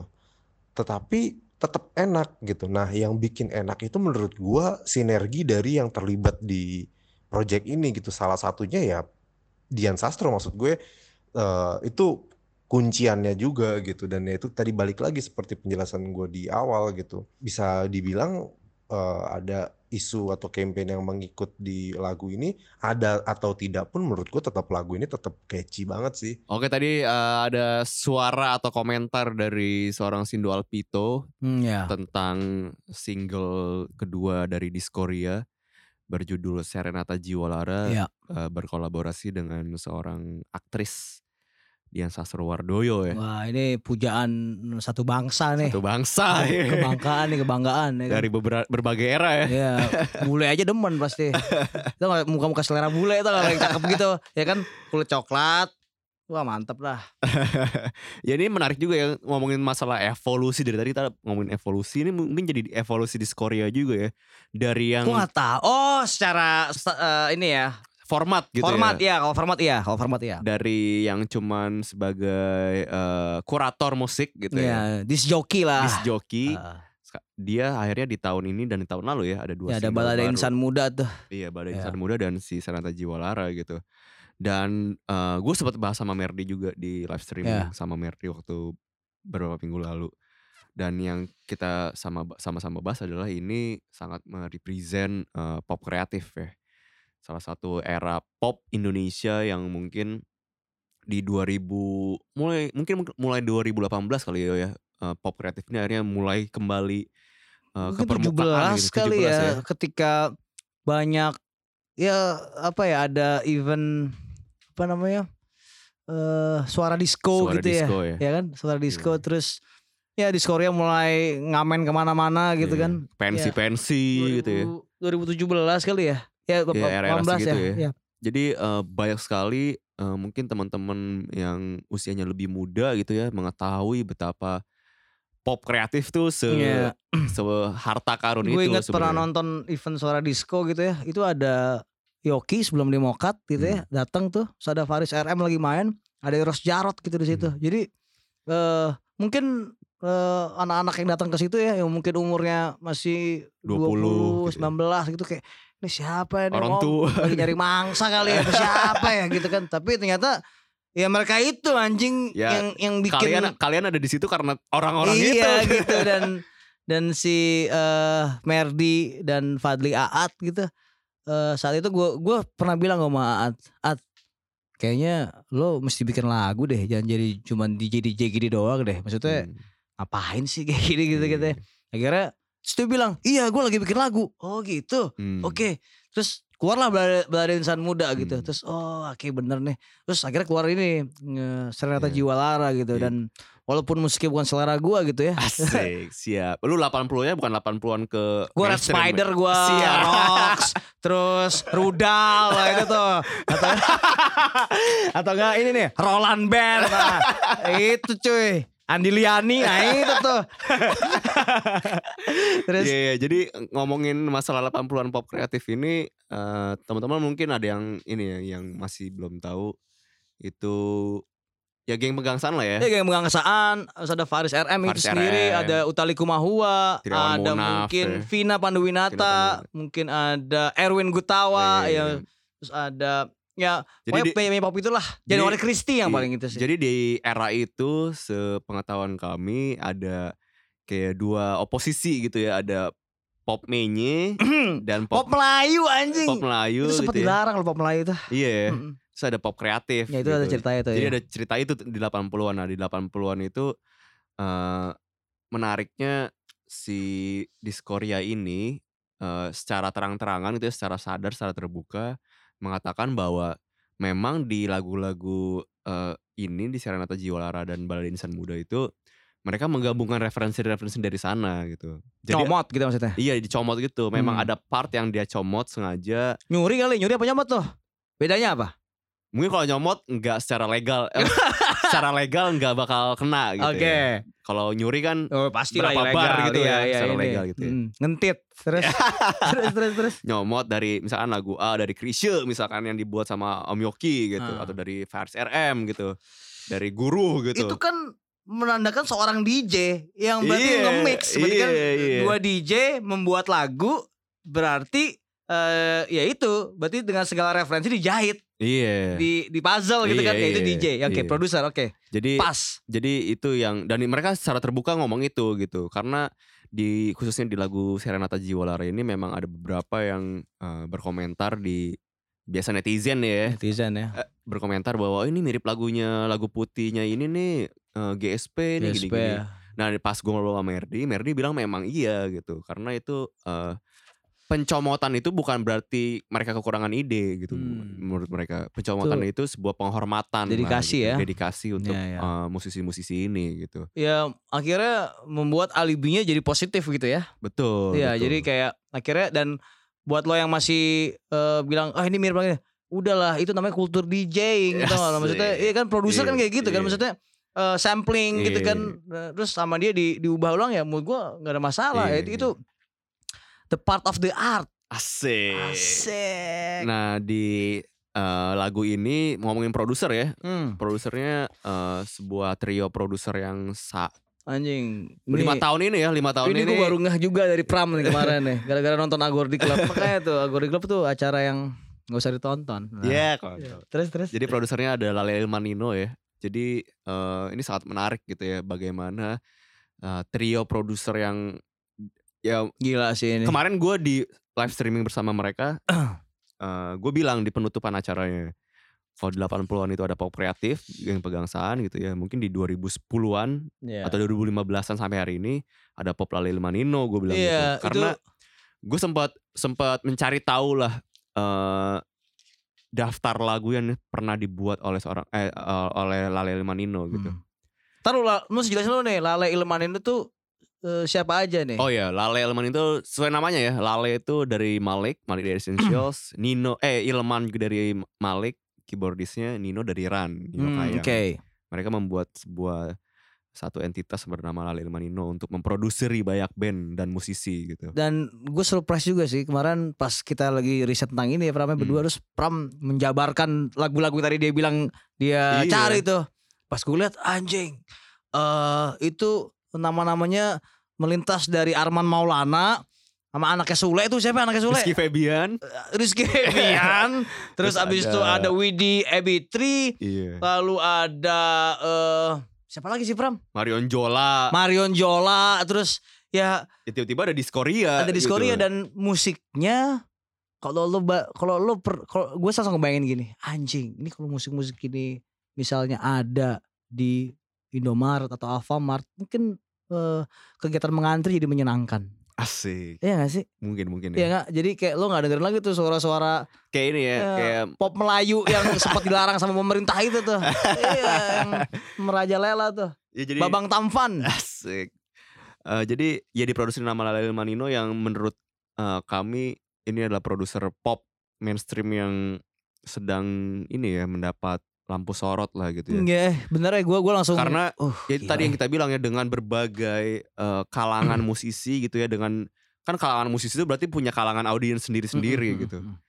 Itu semua di kayak Lalil Manino tuh kayak ngelempar jala gitu loh Iya. kayak gue ke sini ah gue sana ah gue sini dan semuanya tuh kayak besar gitu gitu. Dan dan eh gue bisa paling tidak gue memberi nilai 6 lah untuk setiap lagunya paling minimal. Hmm. Berarti bagus gitu menurut gue tidak. seorang lu ya. Iya, iya kan yang sukanya rudal sama Red Spider. Maksudnya mendengarkan lagu eh, pop kreatif atau city pop begitu ya. Iya. Parlemen pop itu beda lagi ya. Beda lagi itu. eh apa eh, itu paling tidak ada nilai bernilai 6 lah. Jadi Hmm. maksud gua oh ini juga ya enak juga ya kayak kayak dengerin ini deh pop hi-fi Hmm. band hi-fi Hi-Fi Lalil Manino. Iya, ya, makanya gitu. tuh kan. Oh. Itu masih masih masih gue toleransi lah gitu Hmm. nggak langsung gue teriakin weh matiin kayak gitu tapi oke boleh lah Iya. untuk tiga menit gue mengorbankan tiga menit gue mendengarkan ini boleh lah gitu kan oke gitu jadi menurut gue kalau dulu mungkin gue gue sih mengenal ya pe- penulis lagu Oke tahun 80-an tuh Dodo Zakaria, Zakaria. sama Audi Agam Heeh. mungkin ada siapa lagi ya James F Sunda. gitu. ya misalnya gitu ya di di LCLR gitu Iya. Lale, Ilman dan Dino ini mungkin sekarang yang ya. sekarang ya dan pas gue dengerin kemarin yang nafasnya gitu. Ini gue rasa mereka eh, apa sesi minumnya pendengarnya LCLR nih mereka bertiga nih. Sesi minumnya ya. Iya sesi minumnya minum-minum ah dengerin LCLR ya gitu. Oh, Oke. Dan terus dengerin Yoki deh. Iya. Gue rasa itu sih. Iya. Jadi nafasnya kerasa banget dan ditambah sama dua kolektor eh, plat Aat dan Merdi yang punya referensi yang lebih punya dalam referensi lagi gitu. musik itu lebih dan bahkan di Korea pun diambil dari sebuah eh, lagu dari Nadia Sister ya Gak tahu gue. Ah, pokoknya siapa sister lah gitu. Hmm. Nah, itu namanya di Korea gitu. Tambah itu ya jadilah gitu Iya. musik 80-an. Iya. Serenata Jiwalara. Dan dari tadi kita nggak ngomongin masalah paling penting dari lagu ini sebenarnya. Apa tuh? Irama Nusantara, men. Oh bukan Dian Sastronya ya? Iya. Enggak sih gue lebih Sigi Wimala sih. Dian Sastronya dulu deh, Dian Sastronya dulu deh. Iya, dan sastra ya. Dian Sastro ini eh, menarik juga ya karena eh, seperti yang tadi Sindu juga bilang sebenarnya Dian Sastro ini eh, tidak mudah untuk diajak diajak sebuah proyek Iya, seperti ini gitu. Mm. Akhirnya salah satu alasan Dian Sastro eh, menerima tawaran ini adalah dia bilang Dian Sastro bilang gue mau proyek ini ada good cause-nya, ada eh, alasan baiknya lah gitu. Oke. Nah ternyata eh, teman-teman di Korea ini mengajak eh, sebuah apa ya istilahnya? Yayasan. Yayasan ya. Yayasan, Yayasan inilah musik ya. perpustakaan, Perpustakaan musik musik ya. Mm. Irama Nusantara. Jadi eh, semua keuntungan dari single ini eh, dialokasikan untuk membantu Irama Nusantara. Semua tuh ya. Semua Di ya. saat pandemi. Lagi- kan kemarin Irama Nusantara kita tahu sedang Iya, mengalami gila. kesulitan juga ya. Jadi eh, yang gue tangkap sih ya mungkin ya eh, eh, viewers YouTube yang udah jutaan nih sekarang yang nonton nih. Mungkin eh, ketika dimonetize itu untuk eh, Irnus, Irama Nusantara. Kemarin juga mereka membuat sebuah acara pelelangan eh, plat ya.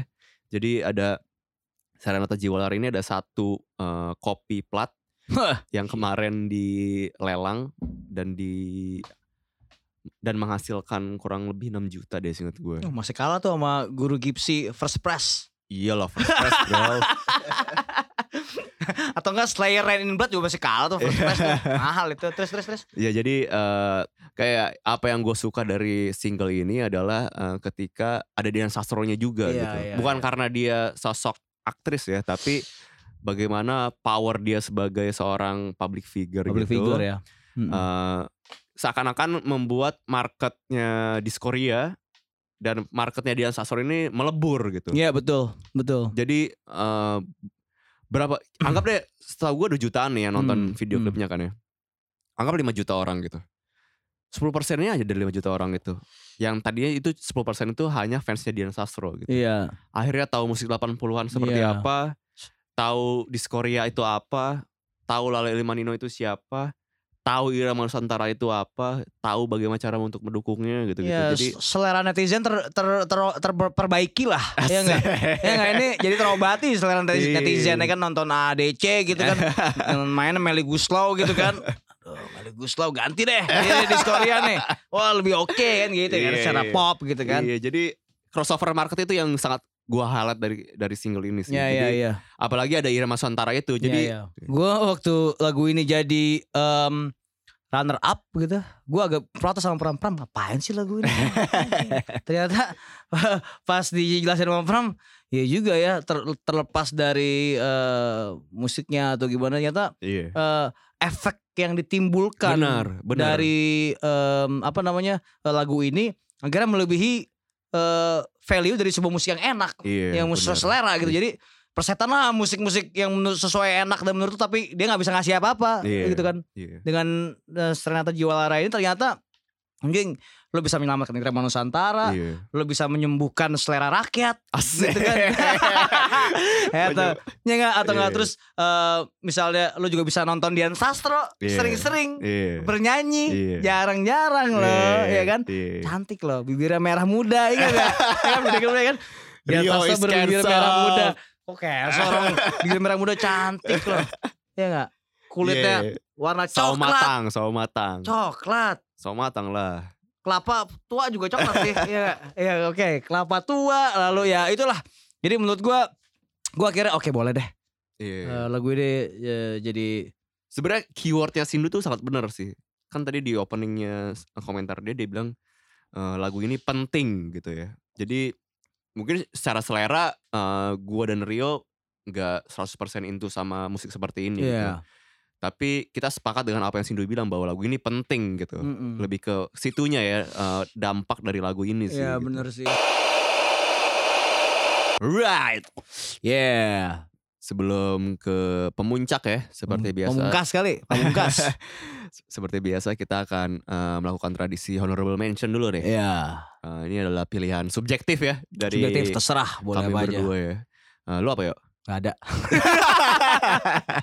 Sorry gak ada soalnya eh, Pram eh, menerapkan aturan ketat terhadap eh, honorable mention. Padahal kan honorable kan kita ya, subjektif tadi. gak bisa. Jadi gue tadi mau milih individual distortion, syncopation. Itu keren banget album itu. Anjing itu kayak main video game eh, tapi ada breakbeatnya. Wah keren lah pokoknya. Tapi dan itu semua mainnya pakai aduh pakai efek gitu. Wah itu keren lah. Tapi gak apa Pram gak boleh. Jadi demi individual distortion gue menggugurkan pilihan gue.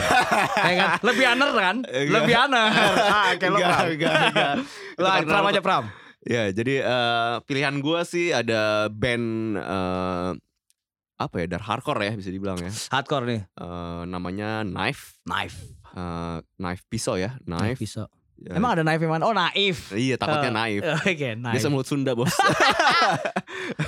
Ini tercium bau-bau aroma nepotisme.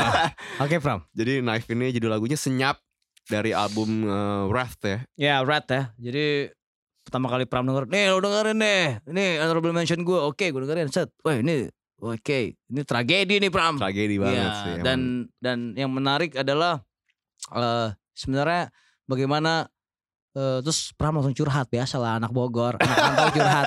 Sin Bogor tuh sebenarnya, ayo Pram lanjutkan. Enggak lah. Jadi eh, si Knife ini eh, bukan dari Bogor sih sebenarnya. Oh bukan dari Bogor Dia ya? tuh Kabupaten Bogor. Hmm. Dari muda muara puncak itu sebenarnya. Eh, di Cigombong deh setahu gue. Cigombong gila namanya gila. Cigemblong kan Cigemblong. Dan dirilisnya pun oleh label dari Bogor juga namanya Sudden Death. Jadi Ya. eh, ya ini namanya honorable mention ya. Sorry sorry Iya. ya nepotisme gitu.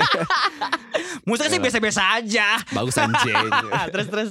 ya jadi eh, ini mungkin menjadi ini juga ya menjadi apa ya bisa dibilang penyegaran buat eh, band-band Bogor juga gitu setelah mungkin di 2010 ada Misteri Torpedo. Wah tuh kudis, the kudis, The Kud- the kuda. Oh itu keren tuh favorit gua itu baru Iya, tuh. 2010 Mantep tuh. ya. Hmm. Terus sampai di 2019 tuh satu dekade ya. Ya. Ada Tax Tax Pack, Ah, Spin itu Your Wheels gitu. itu Jadi dalam keren. satu dekade kita dirangkum oleh musik yang sangat segar gitu dari Bogor. Mungkin di 2020 nih ya, dekade baru nih ya. Mungkin gue sih sangat berharap banget sih sama si Knife ini gitu. Udah ya kayak kita udah ngosin ngomongin Bogor kepanjangan nanti gue Oh iya, dianggap gue ini seneng lagi. sih kalau ngomongin kota orang. Iya, senang kan sih gue. Kota gue jadinya gue Iya, terkesannya kan. sangat subjektif banget nih. Iya, gue Jadi senang ngomongin Bogor deh. Iya, Gimana- Terus iya. gimana lagi Bo- Bogor Pram? ya gitu ya deh. Nomor 1 Jujur dulu nggak terlalu doyan dengan Dom 65 karena secara pribadi memang kurang selera dengan musik punk yang kayak gitu tuh, punk oi gitu. Terus cap mereka juga sebagai hooligan bola tuh gue kurang suka sih. Bagi gue, dua label tersebut tuh identik dengan image douchebaggery. Tapi kerasa ada yang beda pas mereka rilis lagu Saraf. Pertama kali lihat dari postingan Walk kalau nggak salah. Visualnya powerful banget. Kayak ada foto orang dengan gangguan jiwa, dengan grafis logo band dan judul lagu di kanan kiri. Captionnya cerita kalau lagu ini menyinggung bahasan tentang kesehatan mental. Langsung penasaran, gimana angle tentang kesehatan mental diceritakan dari kacamata anak pang. Karena belakangan ini kan kita udah banyak tuh dengar eh, bahasan ini dari eh, ranah pop gitu. Penasaran juga sih alasan mereka mengangkat topik ini. Apakah mereka melihat ini momentum yang baik untuk rilis lagu dengan topik demikian? Pertama kali dengar cukup kaget dengan isian dan sound gitarnya yang mengingatkan pada suasana lagu-lagu Revolution Summer gitu. Pas dengar lirik, kuat banget. Anthemic dengan pemilihan diksi yang lugas, tapi puitis. Pas baca penjelasan tentang lagu, tak lalu tahu kalau em, lagu Saraf ini adalah protes sosial dari fenomena yang ada di Jogja tentang angka depresi yang tinggi di sana dan hubungannya dengan kebijak- kebijaksanaan pejabat yang tidak berpihak kepada rakyat. Yang waras justru bertingkah gila, mengabaikan ke- kepentingan sekitarnya. Lagu ini tuh kayak ngajakin kita untuk berpikir kalau jangan-jangan mereka yang di atas, mereka dengan jabatan itu yang sakit tuh mereka tuh. Sedangkan rakyat, em, termasuk juga orang dengan em, gangguan jiwa, adalah korban adalah sistem pemerintahan yang tidak memberi ruang bagi kewarasan.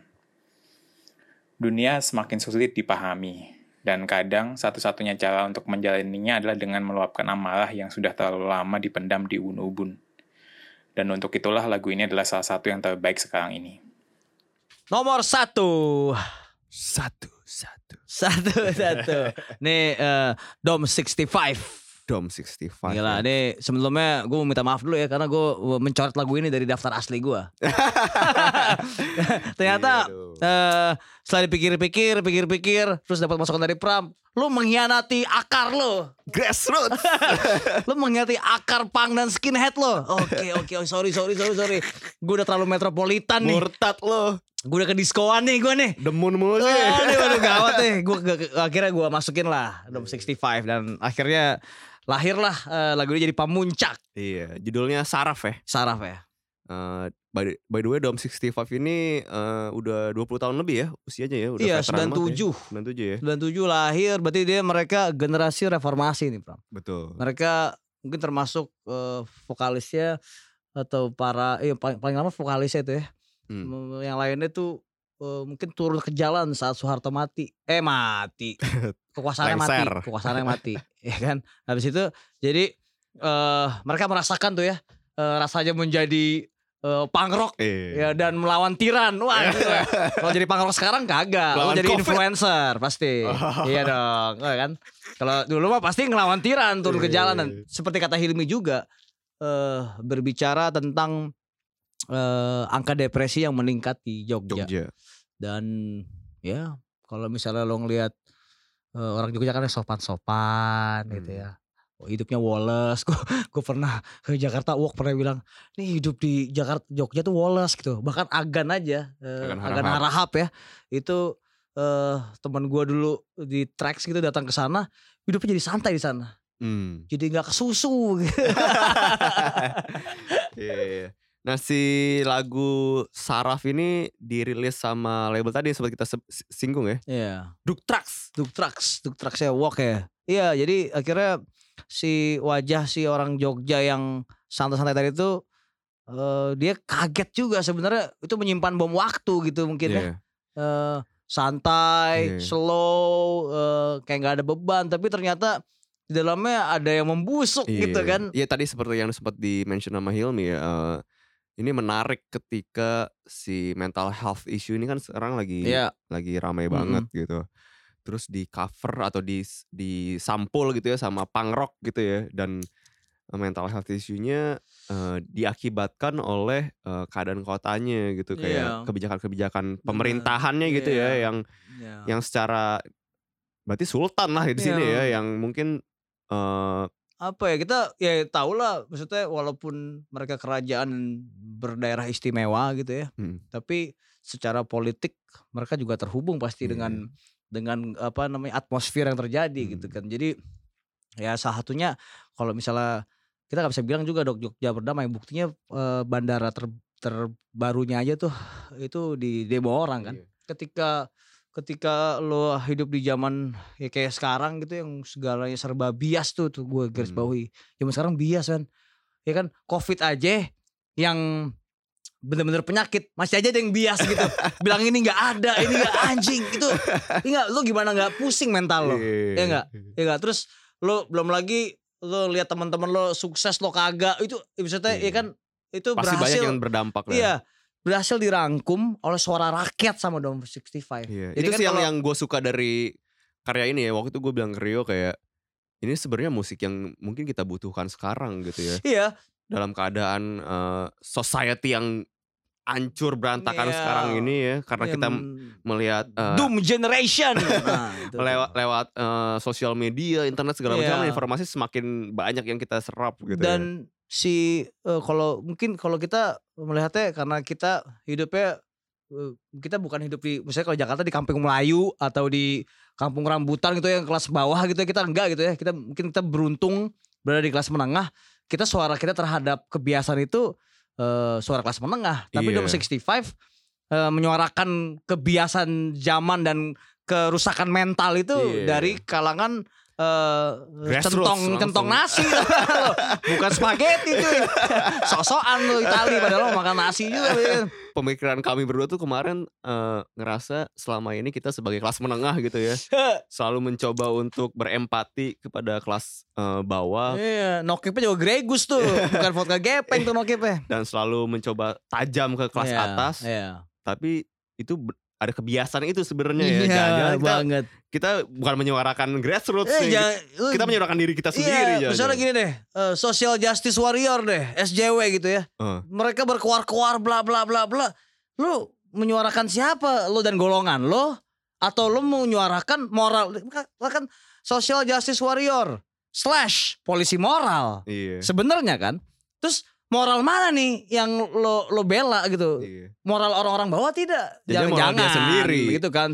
Kadang-kadang eh mungkin harus bisa eh, apa namanya mengkontes lagi gitu diri lo sendiri gitu. Jadi jangan-jangan lo merasa paling mulia ternyata lo cuma orang naif jangan-jangan. Iya. Jangan-jangan lu cuma mau Gitu kan. ngasih makan ego lu aja. Iya gitu. Jangan-jangan gitu terus semua itu terkandung dalam anjing terkandung. Asik. Jurnalis ya mas? Hah? Bukan, saya eh, penyair.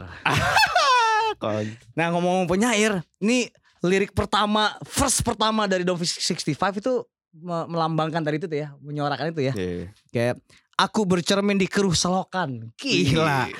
Terpantul wajah asingmu. Selalu bergerak seperti sebuah mesin dipacu poros engkol sarafku. Engkol cuy, Uh, bukan gas. Bukan, bukan persneling cuy, engkol, engkol, engkol motor ya enggak? Ya kan? Terus ya buktinya lihat aja yang paling penting dari orang-orang Jogja atau seniman-seniman Jogja ketika By the way, Dom 65 dari Jogja ya? Dari Jogja, iya. sebutin. ketika pandemi bukan lagi ngurusin industri man Hmm. ya kan seperti yang Pram ceritakan Iya, jadi eh, waktu itu gue sempat eh, menyaksikan sebuah sesi live streaming bersama Ruli dan Rian Pelor. Waktu itu dan satu siapa lagi? Satu lagi anak Malang gue lupa. Dan eh, kita inilah ngobrolin tentang eh, bagaimana nih pandemi bla bla bla bla Hmm. bla gitu. Yang mereka bahas tuh bukan masalah in- khususnya Ruli ya. ya Yang mereka bahas tuh yang dia bahas tuh Ruli Sabara dari Ruli Senyawa Sabara dari Senyawa gitu. Yang dia bahas tuh bukan bagaimana kita akan berindustri besok gitu. Tapi bagaimana kita makan hari ini Ya, itu kan gitu. itu terlihat kesederhanaan itu adalah hal yang paling penting gitu ya Iya, itu hal fundamental yang mungkin orang-orang luput gitu ya di industri kreatif gitu ya. Mereka tetap ke hal yang fundamental, Iya. bagaimana caranya survive gitu ya. kalau bisa dibilang lagu ini yang kita butuhin hari ini kata Pram tadi iya iyalah Iya. Maksud gua kayak gini deh. Eh, kita udah me- udah berpetualang tadi di nomor 7 sampai nomor Iya, 2 ya. iya. Musik yang begini, aransemen begini, bla bla bla bla bla bla gitu ya. Kita lupa kalau kita tuh hidup di dunia yang sangat Apa tadi kata kata Hilmi? Dunia yang sangat membingungkan ya. Apa tadi kata Hilmi? aduh lupa gue. Ya pokoknya kita ya bukan dunia, negara lah ya. Kita Negara. hidup di negara yang sangat bobrok ini gitu. Iya. Akhirnya ya musik seperti ini yang akhirnya bisa menemani lah kehancuran Para para skinhead. Anti nih. totalitarianisme ya anti fasis dan eh salah satu yang gue suka gue suka banget sih sama Dom 65 Hmm. dia punya lagu judulnya Fortuna Hmm. itu tuh ya sebagai penggemar sepak bola eh, gue akan selalu apa namanya mengapresiate eh, eh, band-band yang punya lagu eh, eh, ode buat klub sepak bolanya ya kayak misalnya bisnis gitu ya Hmm. dia pernah bikin lagu eh, Inggris 5 Jerman 1 Iya Eh, anjing itu itu kan keren kan terus ngata-ngatain Gareth Southgate gitu Iya. nggak cancel dia tenang ngata-ngatain orang nggak nggak nggak jadi cancel Soalnya banyak yang ngatain dia juga. Iya. Habis itu eh ada lagi oh, banyak deh. Nah, ini Fortuna tuh mereka dan eh, mereka tahu gitu kalau misalnya PSM tuh lagi hancur. Ya klub bola Jogja tuh PSM Yogyakarta ya. Jadi di, di akhir di, di akhir ujungnya di akhir eh, liriknya tuh dia bilang kami akan menanti kem- kalian kembali ke divisi utama. PSM main di divisi 2 sekarang. Aduh dan sebenarnya ada satu eh gue lupa nih, harus pengen gue masukin jadi honorable mention tapi eh lagunya ternyata nggak saya enak itu. Apa Yang mirip nih kayak mereka. The Stalker, The Stalker. Siasat Gelap. Eh itu mereka punya mereka rilis juga tuh Hmm. dan dan formulanya sama. Hmm, Pang Oi Eh, juga. Pang Oi dan hard rock gitu. Hmm. Jadi eh tapi eh se- nggak terlalu suka gua gitu. Hmm. Tapi beda sama si eh, Saraf ini gitu. Hmm. Ya kalau di Jakarta mungkin ada lagi Innocenti kali ya mirip ya. Tapi dia lebih ke mod ya kayak bisa dibilang ya. Ya tapi Innocenti. bisa satu jalur menurut gua. Bisa lah kalau ngomongin skinhead dan hooligan sih. Iya satu jalur dan musiknya juga gua rasa ada gitu juga gitu yang Hmm. Dom 65 ini secara eh, selera pun gue sejujurnya masuk banget masuk gitu. banget jelas. Ini- Bahkan Pram bilang gila ini kita pemuncak kita sangat daftar tujuh banget. Gua malu banget nih. iya sih Pram. Oke Pram dasar lo. Lu kayak kelas banget Eh, sih. dasar lo skinhead lo. metal lo ya. ya jadi itu Dom 65 ya dengan judul eh, Iya. Saraf sebagai pemuncak kita di Iya. daftar tujuh kali ini nih. Iya, Mungkin itu- kita recap dulu kali yuk Eh, Recap. dari nomor 7 ya. Tadi ada eh, Suar Suar. dengan judul lagunya Terjadilah. Terjadilah. Lalu ada Fazi Ai di nomor 6 dengan judul eh, Holy Holy Sand. Di nomor 5 ada eh, Asep Nayak. Asep Nayak. Gila ya, nggak ada judul lagunya ya. Iya. Kemudian ada uh, Rollfest dengan, Dengan Grand Theft GTA. Atma. Di nomor 3 ada Bapak dengan John The Void. Bapak pakai titik. Itu ma- mapak tuh bapak. Terus di nomor 2 ada Discoria featuring dengan uh, Dian Sastro, Dian Wardoyo Sastro. dengan Serenata Jiwalara. Iya.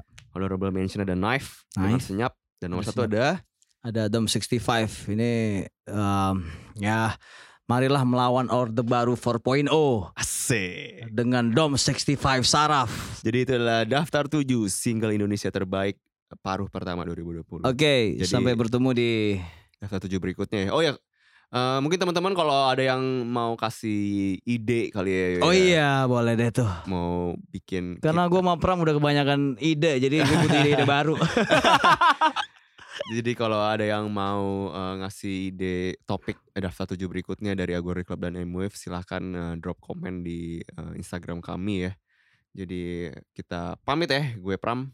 Gua Rio Tantomo. Sampai ketemu di daftar tujuh berikutnya. Daftar 7